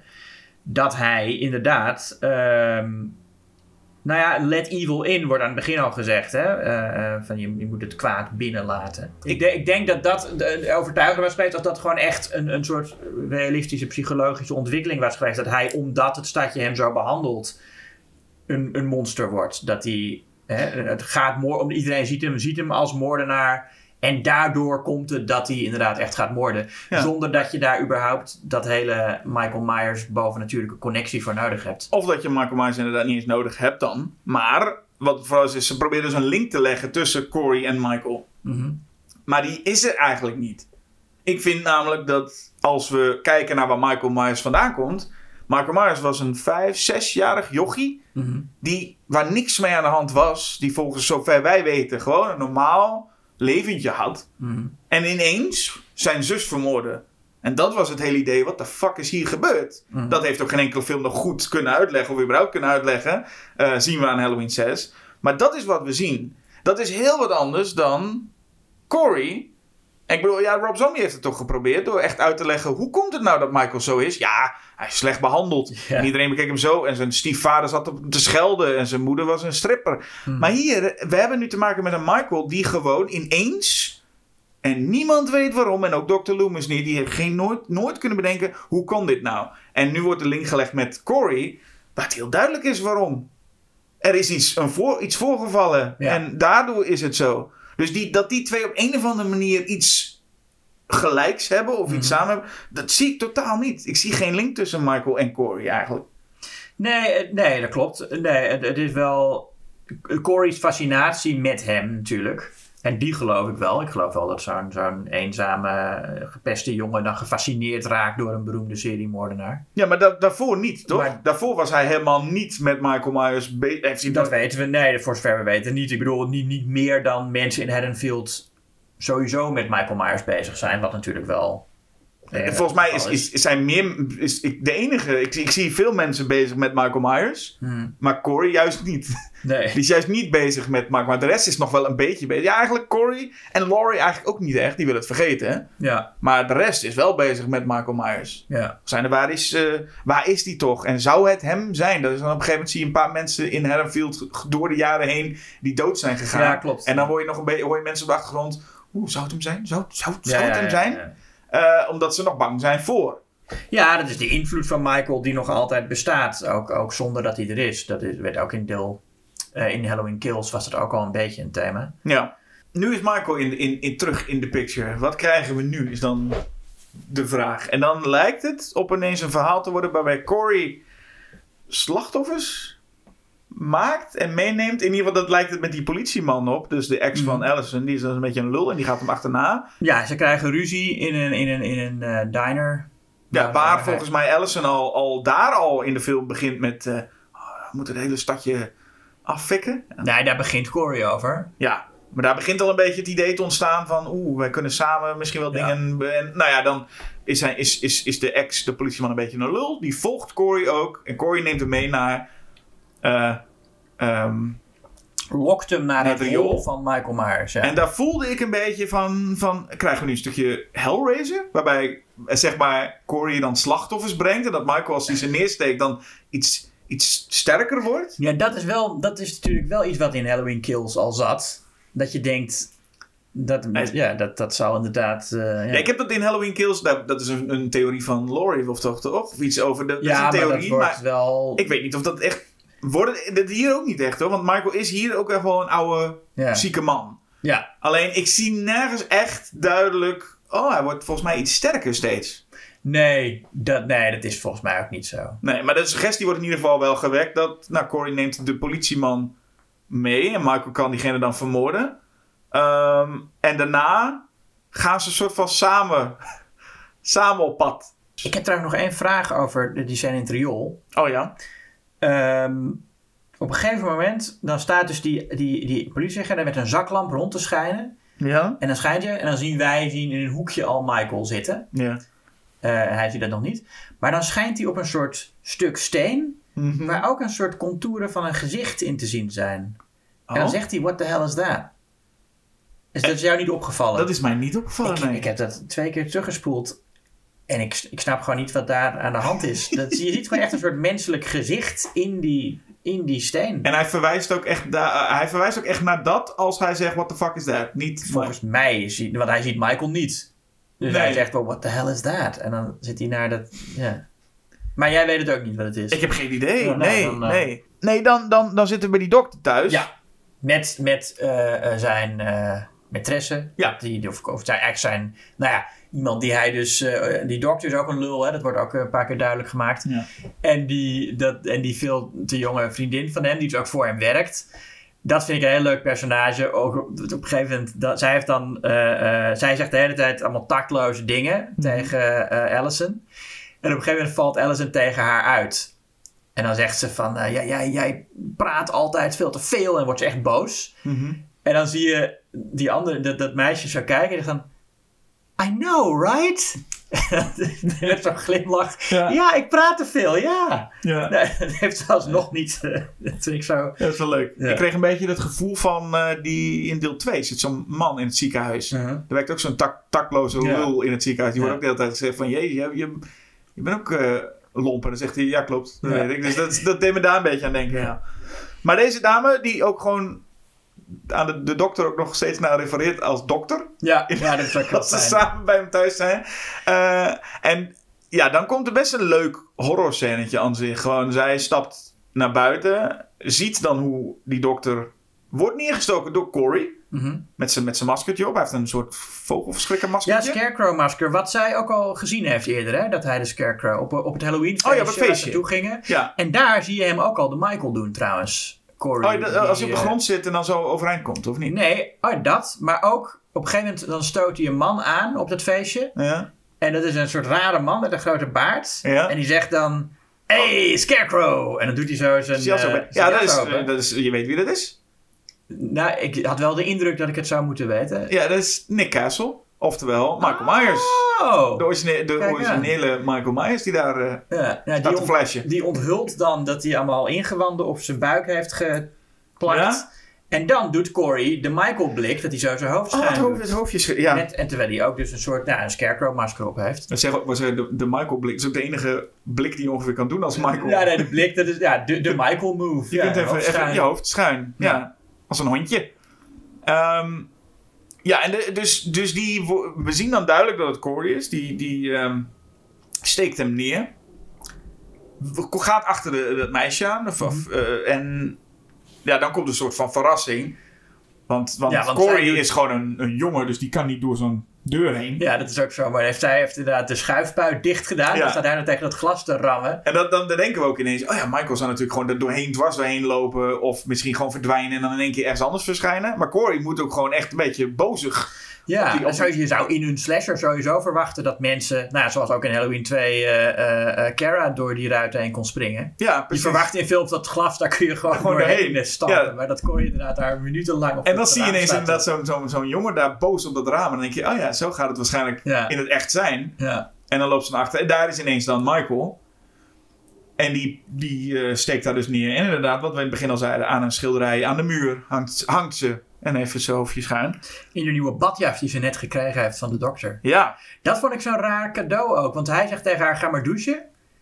En dan gaat ze naar boven en dan ligt daar een, een doosje klaar. En er staat ook op gefeliciteerd met je promotie. ja, Maar er zit daar een badjas in. ja. Het hoeft niet altijd sexy is ja, maar te zijn. is- zij is heel blij met die badjas ook. Ik zeg, wauw. Ja, Ik dacht, ja, ja, dat, dat had iets. Maar goed, oké. oké. Mooie badjas. Ja, mooie badjas. Ja. En hier is het, er is ook een, een, een meme, zag ik ook over. Wat ik ook zelf heel grappig vond, is dat Corey kijkt ook best wel verliefd naar hoe Michael dan zo dat die moord pleegt, toch? Een beetje kijkt hij door dat raam en dan ziet hij hoe hij ziet de meester aan het werk. En meteen daarna komt een shot van dat hij op die motor zit met iemand achterop. Ja, dat is dus zo verwacht leuk. inderdaad dat het Michael is die zich verwacht dat Michael vast, bij vasthoudt aan hem. dat er bij hem achterop zit. Maar er komt wel de vraag, want het is dan Allison, maar je komt wel de vraag met hoe zijn ze daar naartoe gegaan naar dat huis? Gewoon het idee in dat riool. Mhm. Michael heeft dus die politieman vermoord en dat, dat, dat Corey. Sowieso moeten ze met elkaar praten, denk je? Maar hoe hebben ze dan. Nou ja, Corey praat tegen hem. Maar ik weet niet of hij überhaupt verwacht had dat Michael daar zou zijn. Ik denk dat Michael hem misschien wel stiekem gevolgd heeft. Ah, dat zou kunnen. Ja, je hebt het gevoel nu dat ze gewoon dat hij op een gegeven moment zegt: Nou, zullen we, zullen we eens- hey, je doet ook leuke dingetjes. Zullen we eens een keer samen wat gaan doen? Ja. En dat Michael dan nou, gewoon een beetje zo zijn schouders Ja. optrekt. En dan lopen ze samen echt naar buiten. En dat hij denkt, nou, we kunnen ook, dan kunnen ze ook misschien wel echt met de motor geweest zijn. ja. Maar het, het, het blijft hetzelfde wat we altijd met Batman hebben. Het blijft gewoon leuk om mundane dingen te zien Ja. Eh, met zulke personages. Maar daarna gaat de film voor een groot deel gewoon weer verder over Corey. En we hebben dus nu te maken met Laurie Strode. Die ziet iets in de blik van Corey. Ja. En ineens is ze totaal niet meer eh, blij met deze relatie. Nee. En wat ik hier nog raar vind, is de keuze. Want je hebt, daarna krijg je een soort van conflicten tussen Corey en Laurie. Daar gaat dus, dus nu de, de hele film ongeveer over. Dat zij het niet meer leuk vindt dat hij... Want hij heeft iets Michaels in zijn ogen of zo. En daardoor vindt ze het niet leuk meer dat hij met haar eh, eh, dochter, kleindochter omgaat. Ja, dat is ook ergens wel een interessante suggestie, denk ik. Dat, dus als je, dat het echt letterlijk. Het is, wel, eh, eh, eh, het is wel waar dat hij dan inderdaad een moordenaar wordt door de manier waarop het stadje hem behandelt. En dan zegt ze ook: hè, did, the town do this to him after the accident or was it always there? Mhm. Ik denk dat het zo is dat de, het stadje verantwoordelijk is. Dat zij hem zo gemaakt hebben. Maar dat het dus wel letterlijk een evil is dat dan in jou kan ontstaan. En wat sommige mensen dan ook in je ogen kunnen zien. Ja. Is eigenlijk een beetje een soort, een soort, een soort Cronenberg-achtig idee van The Brood. Dat gewoon door je... Dat, dat door bestaande emoties er letterlijk monsters ontstaan, weet je wel? Dat door, door woede en zo. Dat, dat, Ja, precies. Dus je bedoelt dat hij Corey gewoon doordat hoe het stadje hem behandelt zo zou zijn geworden. Dat hij ook zelf gewoon maar een psychopaat is geworden. Ja. Maar dat, ze nu, dat wij nu zien dat dat, dat, dat idee dat hij, hoe hij een psychopaat is geworden door het stadje, zit hem nu in een soort Michael Myers die hem. Ja, dat hij ook echt het kwaad binnen heeft gelaten en dat het ook een soort fysiek Ja. iets is. En, Ja. en, en, Maar dat zou ja. inderdaad kunnen. Het is nog een klein beetje, want dat is natuurlijk waar de film vooral mee zit. Laurie die zit op een gegeven moment zo een beetje casual, als, als die jongen daar op de grond ligt te slapen, die kooi, zit ze hem zo op te wachten op de stoel. Maakt ze hem wakker eigenlijk door, Mm. Ja. met die, door die, met die stoel te bonken. In het huis, van, in het huis waar In- dat kindje is. In het huis waar het kindje is, is, is gedood, ligt hij ook gewoon te slapen op die plek waar het Ja, kindje is op gevallen. grond, op die, waar die bloedvlek nog een beetje te zien is. En ik heb het idee, maar misschien is dat helemaal een verkeerde. Maar ik heb het idee dat als Laurie dus dan ziet en zij heeft echt het gevoel. Deze jongen is, ik zie Michael Myers. Zou ze veel paniekeriger zijn geweest dan dat ze nu doet. Nu is ze zo casual met. Hey, hey, ja, ja, ik, heb, ik heb de boel onder controle. Mm. Dat ik denk, waar komt deze Laurie nu weer vandaan? Want we hebben misschien net een Laurie gezien die zegt: Woehoe, eh, ik heb eh, pompoentaart gebakken. Woehoe, ik Mhm. vind het allemaal leuk. Ik vind het allemaal leuk. Maar als ze dan weer een vleugje Michael in haar leven ziet, waar komt dan die relaxte houding ineens vandaan? Met ik heb het allemaal onder controle. Ze Ja. zou ze niet als de dood nu weer moeten zijn, want er is weer iets terug. En soms zie je even dat ze zo angstig kijkt, maar in die scène tussen Coy lijkt ze ineens weer vol in control. Nou ja, maar daar is ze ook. wel. Ik bedoel, hij ligt te slapen en, en, en zij, eh, Ja, maar zij staat erbij. Nee, zij weet toch hoe sterk die, Ja, ja. Die, die liefde tussen hun blijkbaar is? Ja, nee, dat is waar. Maar ik, ik denk ook niet dat zij heel erg gelooft dat er, dat er liefde is tussen die twee. eh, eh, tussen haar kleindochter. Want zij heeft hem... Ze zei ook tegen haar kleindochter... Ja, je moet gewoon iemand vinden... eh, that makes you want to show grieve your tits of zo, toch? Dat, was, dat is dan... Ja, daar is iets over. Dan Ja, wordt ze een beetje die gekke oma die, dat, soort- die met haar kleindochter Ja. over dat soort dingen praat. Ja, ik, Ja. Eh, ehm, dus, maar ik denk dat zij ook gewoon wil dat haar, haar kleindochter met iemand. eh, en dat, ze ook, dat, zij, dat zij ook heeft gedacht. Nou, die jongen die heeft ook heel wat meegemaakt. Dus dat eh, past wel lekker bij elkaar. ja. Dat kan er wel opvrolijken of zo om daar even wat mee te doen. Ik denk niet dat zij echt het idee heeft dat daar heel sterke liefde is tussen hun. Nee, misschien niet dat er sterke liefde is, maar er is iets tussen hen. Zij, hebben, zij zijn dicht bij Ja. elkaar en zij heeft Michael gezien in zijn Ja. ogen. Ja, Dus wat daar, waarom die. Ik bedoel, ik snap wel dat niet iedereen hoeft conclusies te trekken zoals Dr. Loomis altijd trekt. En meteen helemaal, helemaal gek worden. Maar hier is het gewoon ook weer een vreemd contrast. Ik snap Laurie gewoon niet zo goed. Hm. En ik snap gewoon iets beter wat er gebeurt als Corey gewoon lekker zijn wraak gaat nemen. Want dat is Ja. wat er natuurlijk gebeurt. Hij gaat al die pestkoppen af. Hij gaat. Eh, hij steelt het masker van Michael. Dat is ook zo'n scène waarbij hij dan de riool in rent. ja. Hij zegt, ik wil het masker. En dan slaat hij Michael neer en dan rent hij weer weg. Hij denkt er dat het masker hem ook meer kracht gaat geven. Ja, dat is, En dat dacht Dr. Sartain ook al, toch? Dat, dat, Ja. dat, dat, dat ja, kleine, het masker, kleine, dat is het. dat, ja. dat kleine doktertje toen met het grote Michael Myers masker op had. Ehm, hij, hij gaat met dat masker aan de haal. En trouwens, dus we zeggen dat masker, dat dat erin zit. Maar er moet toch ook wel zo'n monteurs jumpsuit bij. Ja. Ben je geen, anders ben je Nee, geen Michael, precies. hè? Alleen het masker Nee, ben je niet, het masker. niet compleet. En dan doodt hij die pestkoppen en zijn moeder. En, Eh, eh, en, en, en de DJ, die we nog niet eens besproken hebben. Nee, de DJ. in- in Niet deze zo'n leuke DJ als in DJ. 6 hoor, vind ik. Nee, hij is niet zo leuk. Nee. Maar je hoort hem wel meteen bij de, bij de optiteling al. Dus het is wel, het wordt echt... Studio logo hoor je al. Hey iedereen, welkom bij. Ja, dus het wordt wel echt gesuggereerd dat dat echt iets belangrijks is in deze film. Ja. Ehm, ja, het is toch ook een beetje, een beetje couleur lokaal. Want het is een beetje zo van, dit gaat echt over het stadje. En dit is dan de DJ van het stadje. Ja. Want dit is niet zoals Barry een, een, interna- of een nationaal bekende. Dit is gewoon, hij zit echt in Haddonfield. Begrijp ik ook wel. Eh, Ja, dat, is wel duidelijk, dat is wel duidelijk verschil hoor. Echt van die... van Dit die- zouden ze in, in verlaten busstations echt niet draaien, Nee, deze nee, DJ. nee, nee, nee. Maar goed, hij is wel. eh, eh, en hij is af en toe. Nou, het is een beetje dat je ook een beetje het idee hebt van hoe er in dat stadje over Michael Myers gepraat wordt. Dat is een beetje waar hij voor dient. Ja, en de tonggrap, die zit er dan in als, als de DJ wordt vermoord, is, is, is op zich, ik vond hem best leuk. Ja, De DJ wordt drie keer met zijn hoofd tegen een, een draaitafel geslagen. Wat genoeg is om dat zijn hele kaak volledig open ligt. Uh, En dan hè, wordt zijn tong eraf gesneden. De DJ die te veel lult, zijn, DJ, zijn tong wordt eraf geknipt. En dan slaat de plaat steeds over omdat zijn tong erop ligt. ja. Leuk grapje. Ik dacht wel, welke film zijn we nu weer beland eigenlijk? Want het is, we zijn wel totaal ergens anders Ja. dan waar we waren. Ja, hè? nee, nu, maar dit is, dit is dan. Ik vind dat ook juist zo leuk. Dat je eerst een uur lang een drama maakt. En dan zegt, ja, maar nu gaan we toch wel, weet je, deliver the goods. En een, en een slasher maken met dit soort kills erin. Ja. Eh, Het is, het is een momentje. Hè? Dit is al, al met al, al die momenten met die kills opgeteld zetten misschien op 10 minuten. ja, maar, ja, is maar een- goed, Home Alone is ook maar 10 minuten booby traps. En toch is dat genoeg. Oké, ja, nee, goed, dat is waar.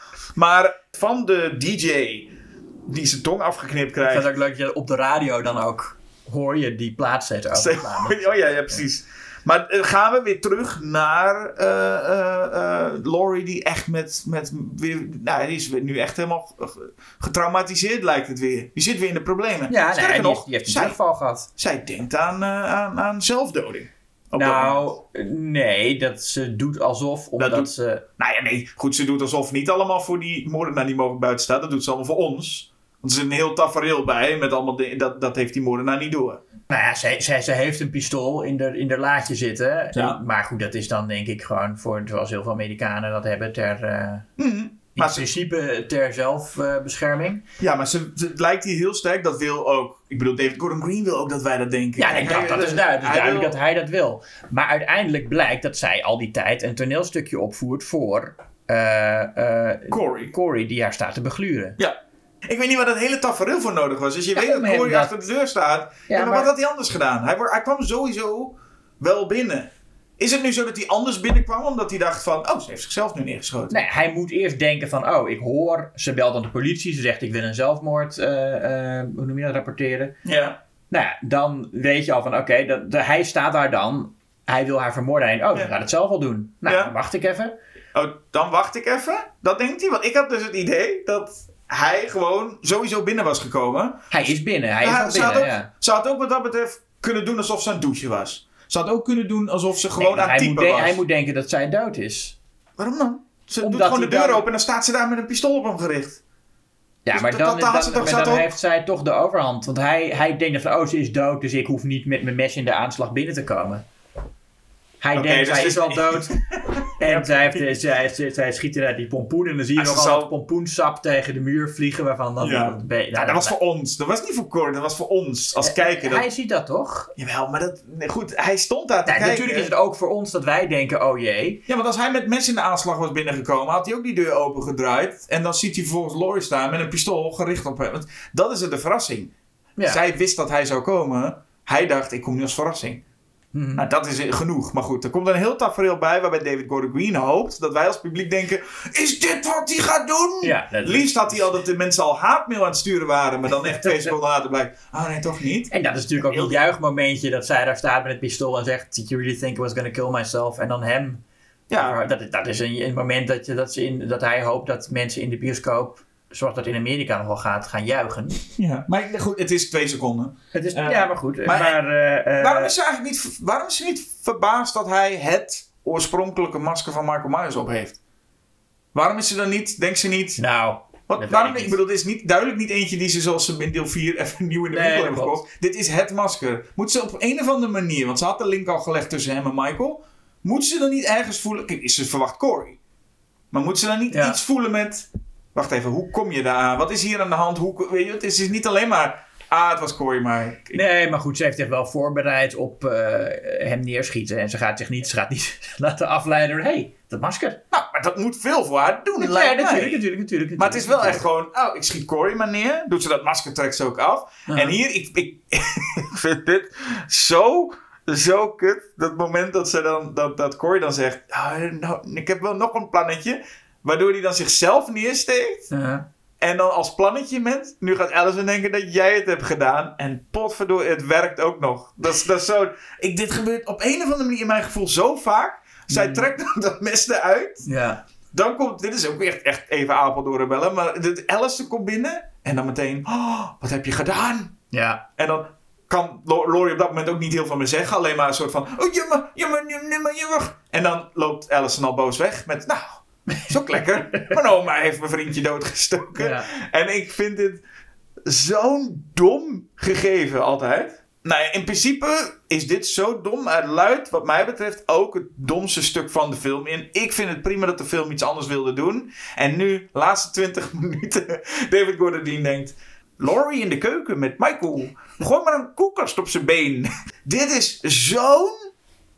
Zo'n klote einde als je ziet waar de film mee begon. Ik denk, wat een teleur. Krijgen we nu nog een stom potje twee bejaarden die een beetje, een beetje gaan knokken in de keuken. nou ja, wat, ja, god, wat had je anders verwacht? Ik, ja, Maar, oh, nou, alles, want Nee, alles was mogelijk. alles was mogelijk. En dan ligt hij daar en ik, ik oh mijn god, dit is, dit is echt, dit is zo belachelijk. Trekt zijn masker af. Ja, Is gewoon een man eronder. er zit een, er ligt een man. Ja, nou, dat wat vind ik, wel ik vind het ook wel eens leuk dat, dat je weer echt een beetje, niet zo goed is in het eerste deel trouwens, maar wel nog een beetje Michaels gezicht te zien krijgt. En dat het gewoon een man is. Ja, Met een paar rare baardharen uit zijn kin. en dan snijdt, snijdt Laurie de polsen door van Michael. Nou, ook, ik vind het een... een, een ik, het enige wat ik wel eh raar vond, was het, het geluid.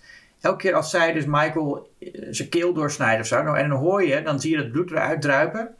Maar dan hoor je heel veel gespetter van bloed. En dat Oh, is ja. dan net... dan Ja. zou die denken, dit was toch horror, dus ik ga even zo extra ja, maar dat, ik vind dat, dan denk ik van ja, maar ik, ik zie gewoon bloed uit zijn keel druipen. Maar ik hoor allemaal, ges- allemaal spetters. Dus net, net, net iets te veel. Ja, we zijn allemaal zo gewend aan die geluiden. Het is net als dat iedere keer als iemand een mes oppakt en dan hoor je altijd zo... ja, Dat is, Ja. Nooit heeft een mes dat geluid gemaakt, maar we pikken het allemaal, hè? Ja.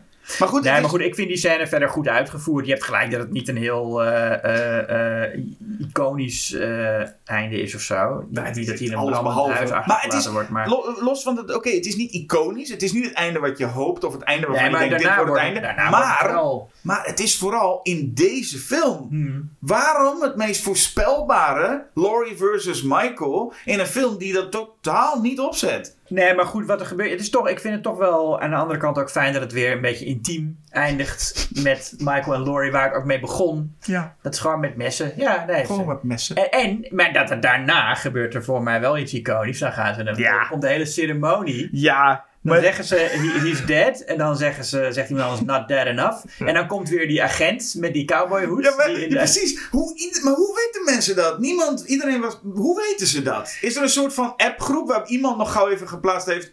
Hij is terug nu, hè? Hij zit nu in het huis. Want ineens is iedereen daar weer. En dat, en dat is Nou ja, het ding. iedereen weet wel dat er zijn die nacht een aantal mensen vermoord. Eh, bij, het, bij de auto, eh, hoe noem je dat? De, de, de auto-. Ja. Ja, En, en, en die DJ. Ja.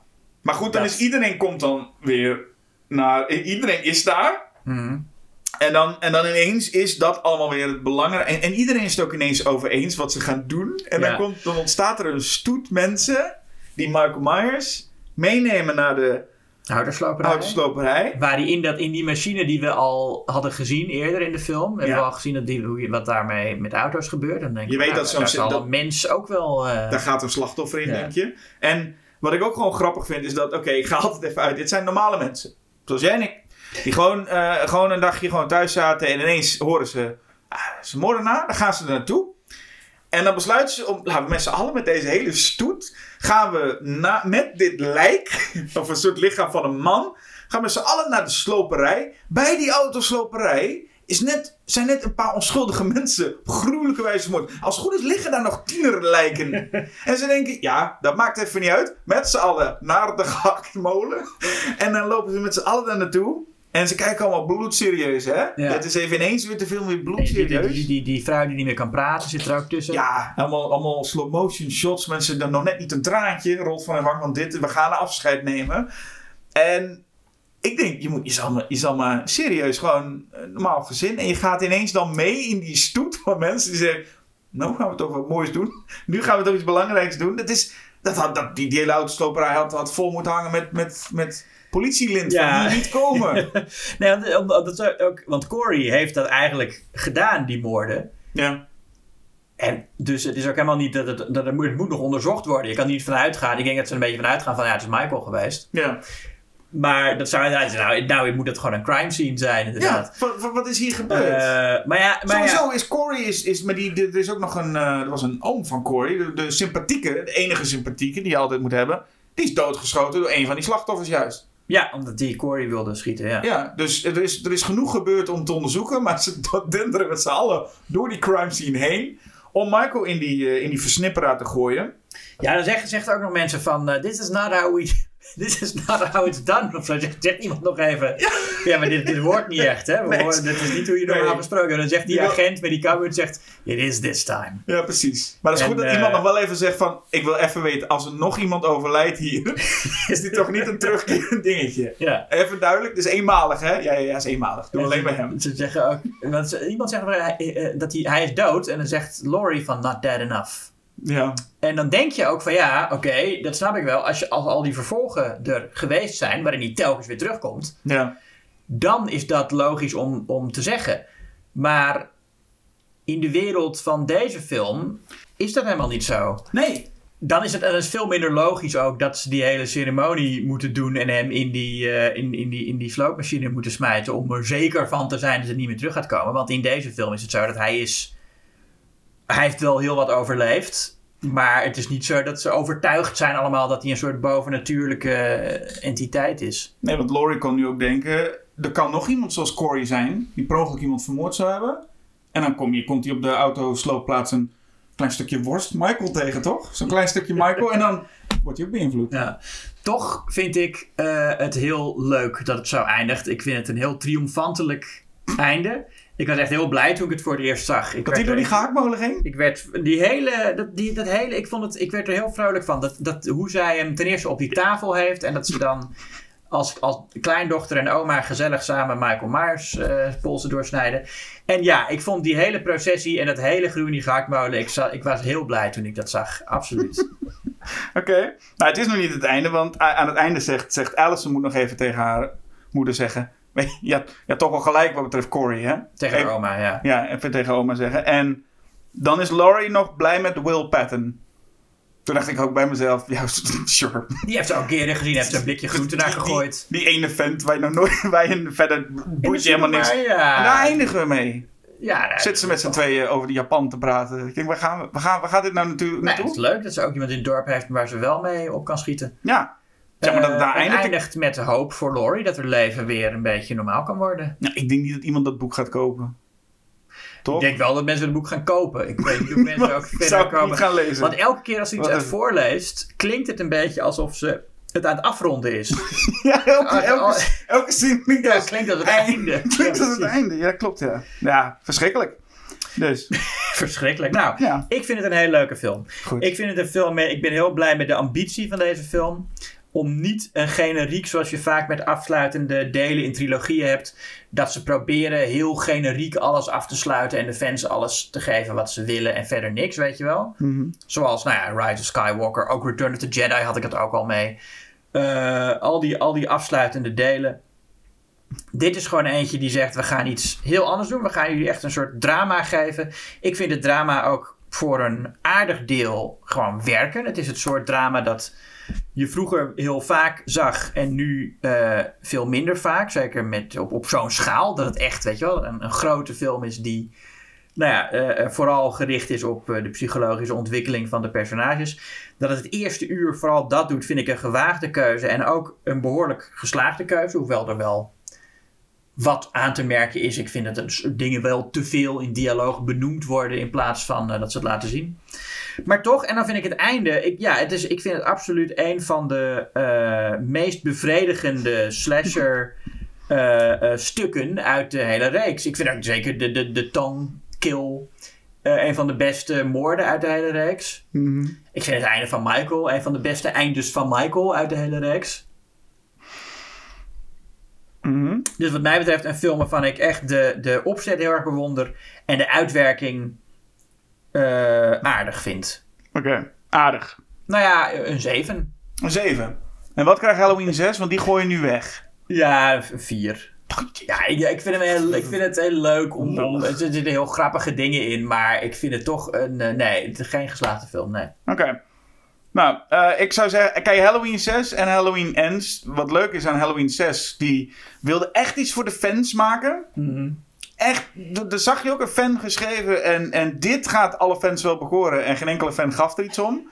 En hier heb je dus dat David Gordon Green wilde juist iets niet voor de fans maken. Juist, ik ga heel wat anders doen. En als hij dat had doorgezet, die gedachte, had ik het leuk gevonden. Hm. Maar dat doet hij dus niet. Hij gaat gewoon na 40 minuten sowieso al. En dan helemaal de laatste 20 minuten gaat hij helemaal. Geeft hij, het is alsof, die, alsof je bones en all hebt. Alleen in, in de laatste 20 minuten gaat ineens eh, eh, Tommy Jarvis met Jason op de vuist. Ik denk, hè? Wat is dit nou? Dit, dit was niet de bedoeling. Je wilde iets anders doen. Iets moois doen. Iets nieuws. Hij heeft hij niet gedaan. Maar ik zou zeggen, de luisteraar is degene die natuurlijk niet bepaalt. Uiteraard, zoals altijd. Ja. Eh, dus kies jij Halloween, The Curse of Michael Myers of Halloween Ends. Zet het op een briefkaart of zet het op iets, een veeltje. Stuur het naar ons op en eh, wie weet doen we er dan wat mee. Ja, maar weet me nooit.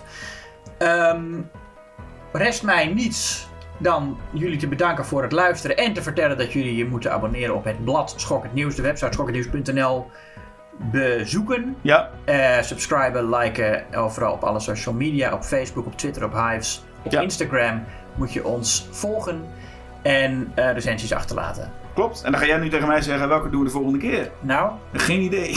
ik, ja, ik dacht aan, aan ik ga deze maand eh, namelijk Wishmaster sowieso zien, want die komt op Imagine. Ah, Wishmaster tegen Warlock. Ja, Oké, eh, bedankt Julius. Wishmaster versus Warlock volgende keer. Ja, Nee, ik zeg het nog maar even. ja nee precies. D- dankjewel ook. Eh, ge- Ja. geen, geen dank. En tot ziens. Tot ziens. No, no, look, you tell that penny pinching whiner Mike Sarducci that when I get back, I am personally going to cut off his balls and wear him as earrings. I'll call you later. Bye bye.